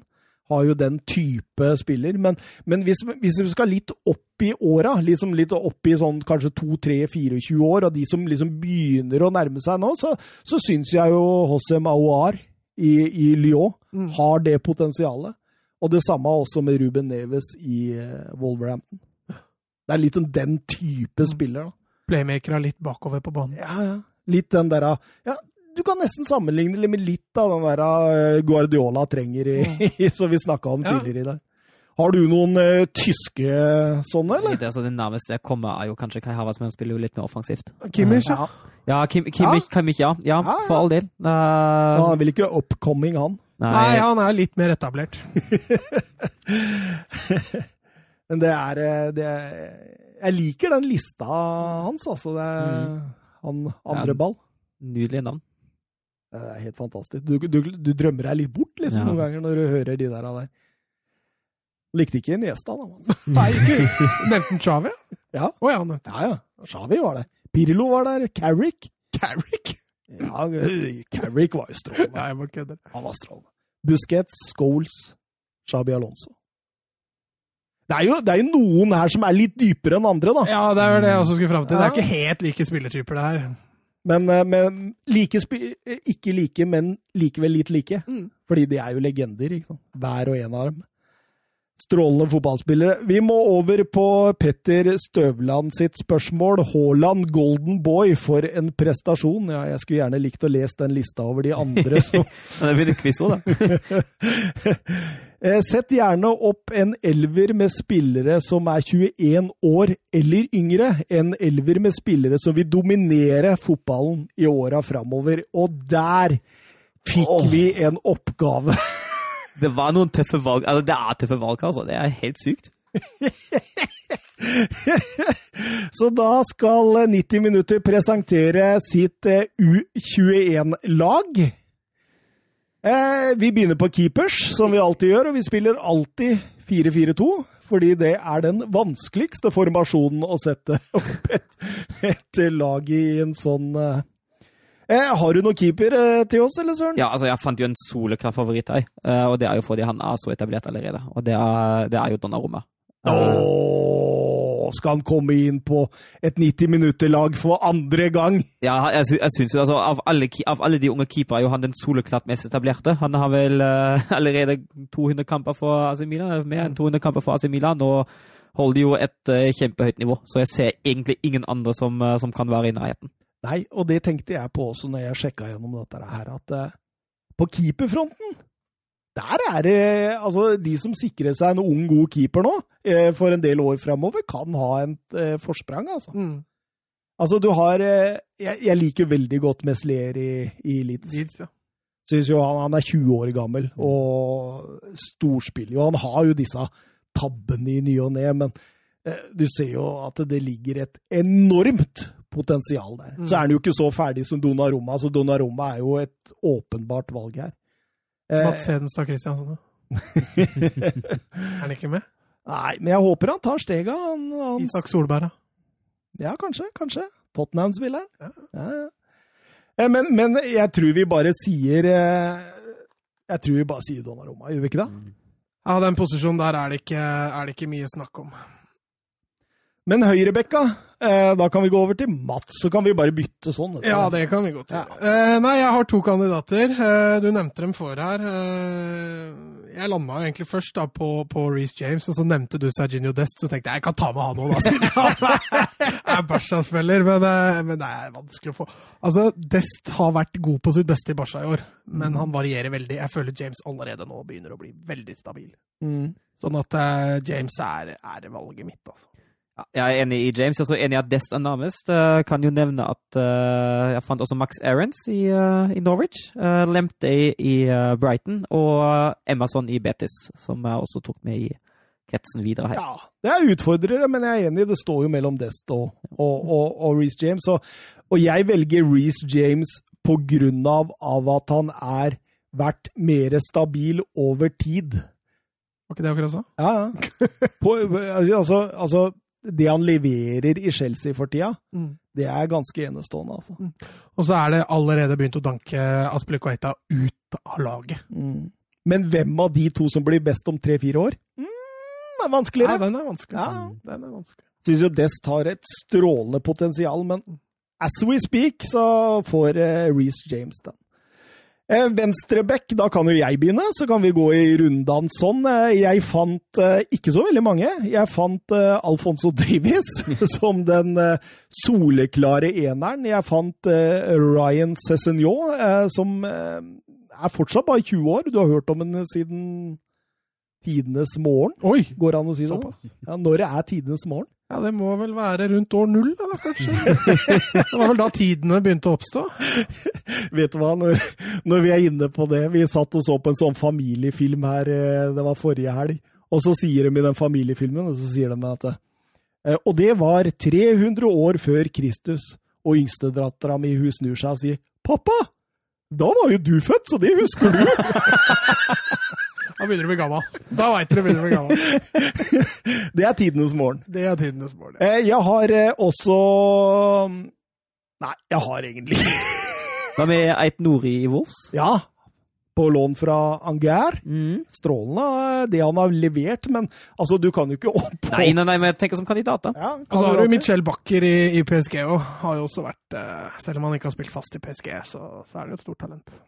Hvis vi hiver oss på den, da, så har vi også Vitali Mikolenko i, eh, i Dynamo Kiev, som er allerede fast på Ukrainas eh, landslag og gjør det meget bra. Han eh, kan bli en veldig bra venstreback. Mm. Og hvis vi hiver oss på den, så kan vi også ta Saka i Arsenal, hvis vi tar en superoffensiv venstrebekk. Ja, da må, da må han være Vi skal ikke ha noe balanse. Det har vi aldri hatt, og det skal vi aldri ha. Men, men det er jo ingen tvil her, gutta. Nei, nei. Er det det, altså? Nei, det er Davis. 100 Alfonso Davies han òg tror jeg vi har hatt på et eh, tidligere 90 minutter-lag. På en eller annen Jeg husker ikke helt hva det er. Så søren, nå har vi stoppere! Ja, det er jo en uh, fryktelig takknemlig oppgave. Mange, det, her var det mange å ta, og her slet jeg for første gang virkelig ordentlig. Uh, ja, Fins Saliba i Arsenal, fins Fofana i, uh, i Leicester, Erik Sia i Manchester City, uh, Kumbulla i Roma, kan nevne De Licht, kan nevne Bastoni, Konaté, til og med Sagado og Tapsuba. Det er Tapsoba! du liker den ikke, jeg vet, men uh, det er fryktelig mange å ta i. Og jeg tror jeg til slutt Altså, jeg er tilbøyelig for å ta inn eh, både Saliba, Fofana og Gazia, men til slutt jeg falt på De Lirt og Konaté. Rett og slett på grunn av at de har prestert mest stabil, og de er på en måte mest etablert allerede nå. Jeg er på, på hvert fall delikt. Den er, den er Den, ganske spi, den spikrer vi. spikra. Ok, jeg, jeg, jeg er helt enig. Vi spikrer eh, Mattis delikt. Eh, Jeg var jo også lenge på Garcia, da. Eh, Men jeg er tilbøyelig altså, til å bli med på Konate. Konate. Jeg liker den, jeg. Altså. Jeg liker den. Jeg gjør det. Bedre enn Upamecano, som jeg har nevnt flere ganger før. Men du snakka varmt om Fofana. Ja, Wesley Fofana. Mm. Åh, han er 19 år gammel. Han dominerer i Premier League nå for tida. Han, eh, han kom fra Sant Etienne, sånn som mange andre stoppere. og for 35 millioner euro, altså for en 19-åring, det er ikke småpenger Leicester har betalt her, men han går rett inn i laget og dominerer fullstendig. Altså, det er, det er, det er, det er, det er, veldig, veldig imponerende å se på. Veldig imponerende. Dette kan bli en av de absolutt de største stoppera i verden om et par-tre år. Allerede. Ja, Philip Slørdal når ikke helt opp. så, jeg- så i For Altså, for moro. Altså, for at det, Altså, fordi det, det er ikke så mange som liksom har bitt seg merke i Wesley Fofana ennå. Det hadde vært så gøy å ha den på laget for å kunne fortelle seinere om et par-tre år, når han Ja, bare han er en ny van Han Dijk. blir jo jævlig god. Men, altså, men samtidig sitter vi og hyller Leipzig-forsvaret i starten av sendinga. Ja, og Konate er strålende, med Bastoni i Inter òg. Det, er- det er et vanskelig valg. Det er tøft. Det er så fryktelig tøft. Som sagt, jeg er tilbøyelig for å bytte på. Altså. Åh, dette er tungt. Nei, jeg står fortsatt på Konate, så hvis han gjør det samme, så har Ja. jeg ikke noe valg. Nei, det, det, det er fint, for da redder dere meg inn, og så kan jeg si ha-ha-ha når Du hadde egentlig rett. Så har du egentlig rett igjen! Det er deilig! eh, Høyrekanten, da?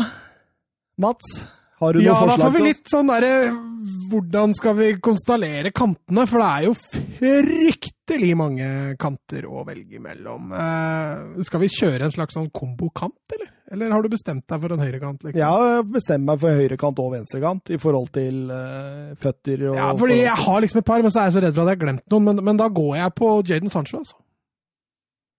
Ja, Hvis jeg må du, bare du, si du, går en. rett på den åpenbare. Ja, altså, men altså har, du, Her skal har, vi ikke ha en diskusjon, vi skal bare rett inn.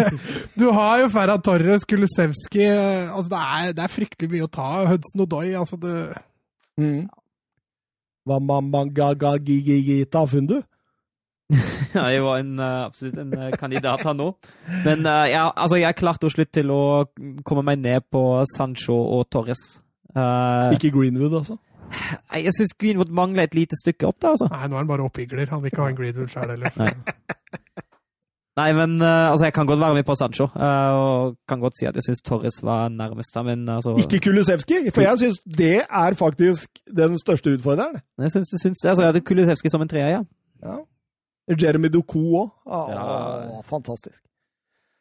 Men ja, Sancho. Vi, vi, vi, vi, tuller ikke noe mer med den. Det jeg syns den er grei. Og så får vi heller, når vi går til spisser, og hvis vi finner en som vi absolutt vil ha ned i en eller annen kantrolle, så kan vi det. Men vi spikrer Sancho nå. Mm. Eh, da er det vel eh, meg på venstre kant, da. Og eh, den som blinker seg ut for meg, det er Ansu Fati. Ja, deilig at det er Eh, men eh, du har jo andre altså Det er mange strålende venstrevinger der. Du har jo uh, Vinicius Junior, du har uh, Pedro Neto, du har eh, Moussa Diaby i Leverkosen, Matheus Cunha, Mm. søren, som er, jeg, jeg har veldig stort hjerte for. Sjoboslei? Ja, absolutt. Uh, vi drev og snakka om at som vi kunne få han inn i midten før sending her. Men ah, jeg, jeg faller på Fati. Ja, og jeg er helt enig. Det var, Ja, altså den, det var den, den første jeg skrev ned. Det var den, første, det var den jeg satte strek under. Det, Var det Jeg- første du skrev ned? ja, første første jeg skrev ned. Jeg sa det at hvis ikke får med én Barca-spiller her, så er dette useriøst. Så da Da var det i boks. Da var det i boks, og da kan du smile. Da kan jeg være Og så går vi til det sentrale midtbane. Vet du hva? Og den, den er jo kanskje den aller, aller tøffeste. Det Her er det mye. Det er, ok. Jude Bellingham, Cherki, Florian Wirtz, Kamavinga, Pedri, Reina, Kangen Lee, Phil Foden, Tonali, Havertz, Rice, Mason Mount Til og med Martin Ødegaard, uh, Sanjolo. Det er, det er så mye. Eh, det, det altså, Du ser nesten litt sånn uh, kjørt over av en trailer, du, når han nevner alle dine han hadde nok til å fylle fire-fem lag med gode, eh, fantastiske talenter. Altså. Eh, Men, men her, har du, her har vi, en kjempe, her har vi Ja, det med altså- balanse igjen. ikke sant? Ja, jeg- vi, jeg, vi tenker ikke Jeg prøvde, jeg prøvde å finne den balansen da jeg tok de her. Å, Eh, så jeg ender faktisk opp på Kai Havertz og Declan Rice. Ja. Oh, ja, jeg har tenkt konstellasjonen, jeg òg. Jeg lander på Havertz og, eh, og eh, Phil Foden. Jeg mener jo at vi kommer ikke utenom Foden. Vet nok, det nå. Men Hvem er det har har? dere sett nok Kamavinga, eller? Ja, altså, I forhold til Foden og Havertz, nei. Men at jeg har sett en del Kamavinga, ja. Kamavinga kan du ha inn på det laget her de to nest, tre neste åra. da. Ja, ja. Foden og Havertz er jo ferdig til neste år. Mm. Så kommer ikke han inn på det laget. Så det er, det er Havertz. Vi må ha inn Havertz mens vi kan.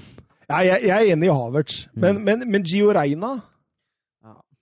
Åh. Altså, det, det er så mange tøffe valg, altså. Det, du, du, du kan nesten ikke velge rett, for det, det, du, du kaster fem-seks under bussen som bør være der. Jeg mener at Foden må vise mer, jeg. Ja, men Guardiola setter han jo på benken. Ja, det er det jeg mener. Fordi Gundogan er bedre enn han. Nei, ikke nødvendigvis, men jeg, jeg mener Foden må vise mer, og så syns jeg Declan Rice er litt for kjedelig. Eh, altså, Ja, for Jeg var jo egentlig på Tonali, men jeg gidder ikke å kaste inn han i den miksen her nå, for da blir vi aldri enige. nei, for jeg, jeg er mest gira på Gio Reina eller Kamavinga, ja. Ja, da tenker jeg Gio Reina. Han spiller i en, eh, han spiller i en større liga og presterer det jevnt og trutt deg. ja han, er, han, er, han er jo en enorm. Men uh, er han da bedre enn Phil Foden? Altså, det er, Nei, det er, det, er, det er- jo så vanskelig. Den er jo så tøff. Mason Mount. Se hva han leverer i Everton. Nei, Everton sier jeg det, gjør han i hvert fall ikke. Everton leverte den faktisk jævlig dårlig i helga. så Jeg tror ikke du skal ta det som Det utgangspunkt. er sikkert den kampen som lå baki. Men det han leverer i Chelsea nå, liksom, det er jo strålende. Ah, Den- den er den tøff, er altså. tung. Den er skikkelig tøff. Men ok, men nå sier vi ett navn hver ved siden ja, av Kai Foden. Foden, du sier Reina. Da må jeg ta Foden eller Reina. Da tar jeg Kamavinga. Ja. Men jeg kan fint leve med Foden også. Foden er en fantastisk spiller som eh, Ja. Hvis ikke du kan bestemme, da sier jeg Foden om to. ja. Foden. Reina. Men eh, da slapp du å velge der, da får du egentlig rett på den nå, da. Det er helt nydelig. det. Ja, men all, alle disse blir gode. Ja, det Alle disse blir gode. Da er det spissalternativene, da. De, altså, selv om det er mye gode spisser her, så sier det seg sjøl. Ja, det gjør det. Men selv om, det- selv om det gjør litt vondt, så er det på en ene av deg. På eh, Haaland. Nei, det Du gjør, hater jo Haaland, så jeg skjønner jo det. nei, det gjør vondt å, gjør vondt å kaste Felix også. Det gjør det. Det, det. Det, var, det var han jeg tenkte vi kunne satt på en av kantene. Og da må vi vrake Fati eller uh, Sancho. Sancho. Jeg vraker ikke Fati, i hvert fall, så da blir det Sancho. Hvis vi er to mot én, så har du ikke noe huske. Ja, ja, men da blir vi useriøse, så deres valg. Nei, jeg har ikke lyst til å vrake Fati. jeg har, jeg har egentlig lyst til å vrake noen av de to der, altså. Altså, Felix blir, jeg er enig, det blir det store Ja. Det blir litt tøff, altså. ja, det- Men, men samtidig altså, var må du ut med Fati eller Sancho, Men det er, ja. eller Mbappe eller Haaland. Ja. Det blir jo useriøst, det òg. Dette er Sophie's Men choice. kan, altså. kan, kan vi sette Felix i en offensiv midtbanerolle, og så skippe Foden? Men Det går jo an. Stakkar Foden. Ja, ja, men det er hakket bedre, faktisk. Jeg er enig i det. altså. Skal vi gjøre det, eller? Ja, det kan vi gjøre. Den band der. Vi får sikkert noen sånne på Twitter. alle, Det er useriøst, det laget der vi taper hver kamp. Og det vil de antakeligvis. Den mellomroa blir jo enormt. Nei, de skal passe bakrommet sitt, i hvert fall de som møter det laget der. Men da gjør vi det, da. Ja. Da er altså U21-laget som følgende. Donnarumma i mål. eh, Reece James høyreback. Alfonso Davies venstreback. eh, Ibrahima Konaté og Mattis de Licht stopperpar. Jaden Sancho på høyre. Ansu Fati på venstre. Kai Havertz og Joao Felix eh, sentralt i banen. Det er to spisser, vet du! En falsk nier og en Og eh, Kylian Mbappé og Erling Braut Haaland på topp. Og da sa vi farvel til spillere som Viktor Oshimen og Jonathan David, blant annet. Mats. Ja, det er trist, altså. Fryktelig trist. Og Moise Keane, som faktisk har fått seg en karriere igjen i, i PSG. Ja, Det er enormt. Eh, Jonathan Hobber spør oss på Twitter om vi kan spå Champions League-trekninga, og det kan vi jo selvfølgelig gjøre. Spå, er ikke den trukket av Å ja, du mener utfallet? Ja, utfallet. Har vi kampene til gjengelig? Ja da, ja da. Så da tar vi og går igjennom. Eh, første kamp, Lazio-Bayern München. Bayern. Ja, ja. ja. Andre kamp, Atletico Madrid-Chelsea. Atletico er den verste motstanderen til de engelske lagene. Ja. Av alle lag de kan trekke som ikke er engelsk, så er Atletico den verste. Ja. Og den der eh, jeg blir, jeg blir, Den er åpen. Den er så åpen. Det er 50-50. Og ikke fordi Atletico er så fryktelig gode, men de er så gode til å ødelegge. Mm. Ja, altså, altså, er det så vanskelig å spå i hvilken form de to lagene er når de først møtes, da. Det er jo noe å si, det òg. Men Absolutt. begge har variert. Ja, Men Atletico har Mm. vært ganske jeg, jeg, jeg, går, jeg er lojal, jeg, så jeg går for Atletico. Mm. Ja, jeg, jeg, jeg ser argumentasjonen din, og jeg, jeg er tilbøyelig til å si meg enig, Også. Jeg blir ikke overraska, så, så det, jeg henger meg på. Eh, Leipzig-Liverpool. Ja, den er jo tøff, den òg. det er jo to lag som har en lignende spillestil. Det er jo ja, Å, den er tøff. Jeg har litt lyst til å si Leipzig, men jeg må nesten si Liverpool også. Jeg tror rutina til Ja, Liverpool det er akkurat det som er poenget. Ja, Da skal jeg gå imot. Jeg sier Leipzig. Jeg ja, tror men da, Leipzig. da, Du er to mot én, du da, i så fall. Så. Ja, men det er ikke sånn at vi bestemmer her med om Jo, vi skal jo gi et svar om hvem som går videre til Jonathan Hobber. Jo, jo, men jeg kan vel gi et svar til Hobber at Leipzig Ja, sånn at du hadde rett likevel. Thomas Edvardsen in disguise her. Men skal du legge ut dette på Twitter, liksom? Sånn at vi 90 minutter gir et svar? Ja, det kan jeg godt gjøre. Hvis du vil det. Ja, men da skal jeg ha det on record at jeg foreslo Leipzig. Ja, Men det får du ikke på Twitter. Nei, men da får du høre podden, Jonathan! Jeg sier Liverpool, og 90 minutter sier Liverpool, og Mats sier Leipzig, for da får han rett likevel. Porto, Juventus. Juventus. Enig. Ja. Barcelona, Paris, Saint-Germain. PSG. Der svarte du kjapt, Søren! Ja, den har, den bruk litt lengre tid, den gutter. har, den har, jeg, den har jeg tenkt litt på, dessverre. Uh, frykter PSG. Ja, altså det, var, altså det, er, det er synd å si det, men den eneste motstanderen Barca kunne trukket, hvor de hadde hatt en god mulighet, er Dortmund. Mm.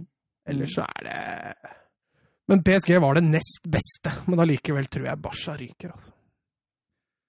Du tror det? ja? Den er vanskelig, den òg. Den er ganske jevn. Nei, du, du, du, du kjører på nå med Men Neymar brakk ikke han beinet nå? Jo, han gråt i hvert fall veldig. Jeg mener Så- å lese at han brakk beinet. Altså. Det Det- styrker jo sjansene litt, selvfølgelig. Ja. Nei, men den er grei. Da, da kjører vi eh, Er du, er du enig med PSG? Nei, egentlig ikke. Jeg tror Barcelona går videre. Jeg tror ikke PSG er det samme som i fjor. jeg.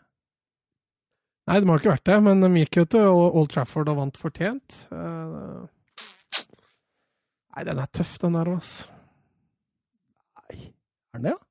Ja. Jeg tror du Barca greier Ja. Ja, greit, du har overtalt meg. Barca vinner. Da blir det to mot én, Søren. Det er helt greit. Jeg vil ha det for record. Sevilla mot Dortmund. Det er, det er to motsetninger, Ja, altså. det er, den også blir eh, Det kommer helt an på hva, hva Dortmund får til nå som Favre er borte, altså. For jeg er ganske sikker på at Lopetegi sitter i Sevilla-stolen når, eh, når Sevilla spiller. Han har lagt slagplanen allerede, han. Men hva Dortmund kommer med der, det, det blir ikke godt å si. Altså. Jeg vil få bare håpe fotballen vinner, og da, da må jeg si Dortmund, altså. Jeg går også for Dortmund.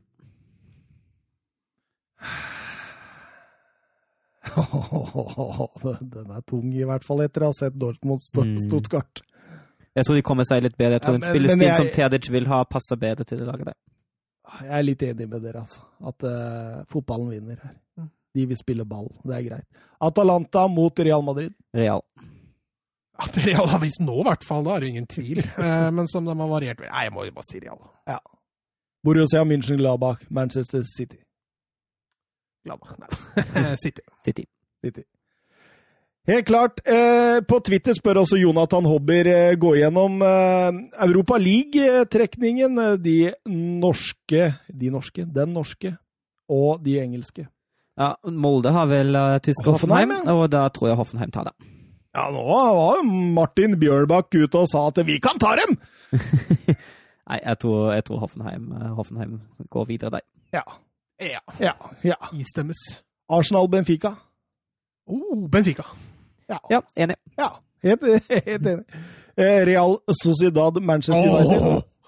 Å, den, den er tøff. Men uh, altså, hvis, hvis Sociedad klarer å, etab- å holde den formen som de er i nå, da blir det Sociedad. Hvis Sociedad får den knekken som vi forventer den får før den runden der, da tror jeg United har en god sjanse. Ja, altså, Sociedad har sluppet inn seks mål i år, så det er liksom ikke noe Det er ikke bare å dra dit og skåre mål. Jeg tror oppgaven blir for stor for Sociedad. Det var det. Jeg tror United dessverre tar dette. Ja, jeg istemmer det. Jeg tror også United tar det. Tottenham Wolfsberger. Det er, lille, det er lillebroren til Lillebroren til Wolfsburg. Ja, er jo det. Du kan si hvem hadde, hvem var, eh, hadde den enkleste trekningen av de engelske. Nei, der går nok Tottenham eh, greit. Videre. Enig. Slavia Praha, Leicester. Leicester. Ja, det er mange engelske lag er det med her. Eh, på grunn av United. Å ja, stemmer det. ut der. Ja, nei, det blir Leicester. Ja, det er vi enige i. Ukas talent. Ja, jeg kan uh, starte. Har du klokka klar, eller? Klokka klar, og klokken sprang, og alle sammen. Jeg har eh, ikke klokka klang ennå. Nei, jeg kan være starte hvis du vil ut klokka òg. Jeg bruker Ja, ikke et minutt. Du, du, å, å, å, er du på tida her nå? For da må vi, hvis vi kan arrestere deg på tida, så gjør vi det. Okay. Han har, han har Klar, ferdig, gå! Hvitt talent er Asta Wrangs. Han er født 4. oktober 19, nei, 2002. Han er 18 år, han er belgisk og spiller for KV Mechelen. Eh, Han fikk proffkontrakt i Mechelen som 15-åring i 2018, og han debuterte på øverste nivå i Belgia 9. august 2019 som 16-åring. Han fikk, noen, han fikk ni kamper i 1920-sesongen, men har allerede denne sesongen fått 11. eh, Og til sammen har han da 20 kamper på øverste nivå, skåret fire mål og hatt to assist. Han debuterte for Belgias U19 i november 2019 som 17-åring, Og har nå i november i år allerede vært med for første gang i en U21-tropp, men har bare sittet på benken hele veien. Og han er klar for Wolfsburg fra og med juli 2021. Han er en sentral boks-til-boks-spiller som egentlig har alle ferdigheter som trengs for en boks-til-boks-spiller. Han er atletisk, han har en god pasningsfot, han er faktisk kjapp. Han har god oversikt, god, god teknikk, og han har også gode defensive kvaliteter. Og jeg gleder meg veldig til å se hvordan han utvikler seg i Wolfsburg. Oi, oi, oi. 57 Ja, sekunder. Mats? Ja, det blei en stor dag det her for familien Felix, for nå kommer han igjen. Oi. Oi. Denne gangen er det lillebror. Lillebror Felix? Hugo Felix Sequeira. Født eh, 30, 30, 3. 3.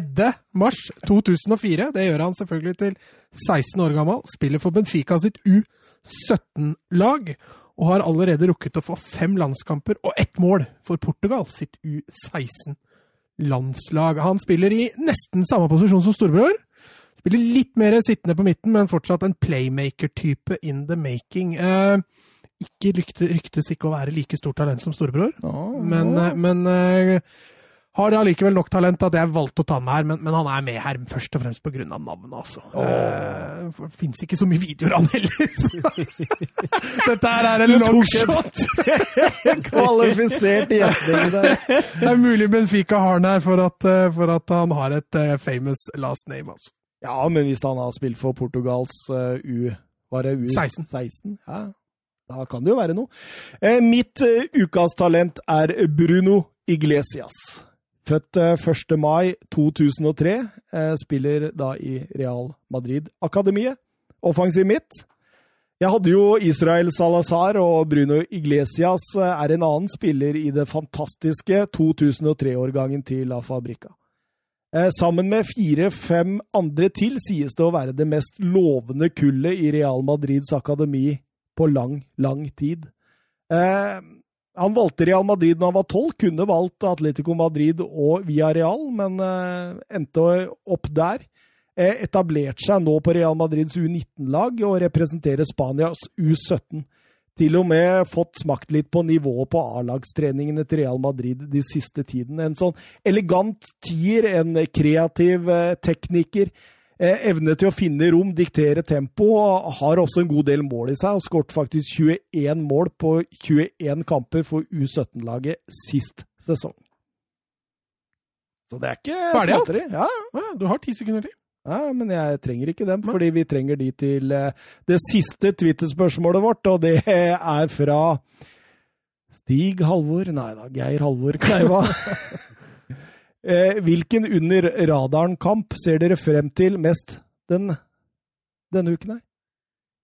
Nei, under, under, Oi, denne under, uka? Ja, under radaren det er vel at vi ikke snakker om dem neste tirsdag? Eller? ja eller som, som ikke er så kanskje så spotlighta, da, tenker jeg. Jeg tenker jo Leicester mot Everton kan bli ganske kul. Ja.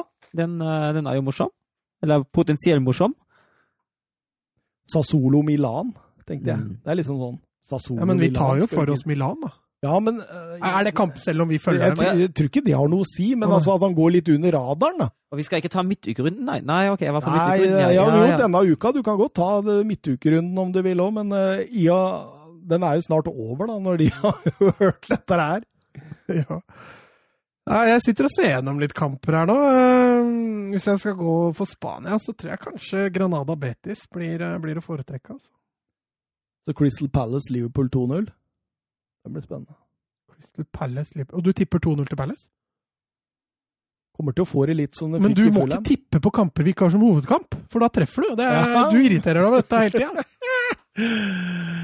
Men, eh, men den, den syns jeg er fin. Ellers er det Det er, det er mye gode men, men det første jeg tenkte, var Sassolo Milan. For det er liksom sånn Gidder vi å se Sassolo Milan? Men det Sassolo-laget som er eh, De har jo snubla litt mot de litt større laga. da. ja, Det blir veldig spennende å se. Det blir veldig gøy. Fikk juling av Inter. Søren sitter med mobilen her. Åssen kamp skal jeg velge fra Bundesliga nå? Ja, men det, er- altså, det er ikke så mye altså, I hvert fall ikke nå, nå den helgen. Ikke sånn, altså, Bayer Leverkosen mot Bayern München er jo en åpenbar favoritt. da. Ja, Men det er ikke under radaren. vet. Nei, det er akkurat det. Og det går jo ikke så mye under radaren som eh, når vi har, når vi har fem lag der. Men nå tror jeg vi skal gå under radaren. Ok. Mm. Vi skal si ha det bra. Vi ses her 22. desember til Årets siste? Nei Skal vi ha i romjula? Ja, jeg er klar, jeg. Jeg er klar. Jeg er klar. Ok, da er jeg klar òg. Da blir det romjulspod! Det blir bra. Vi snakkes! Ha Ha det. det.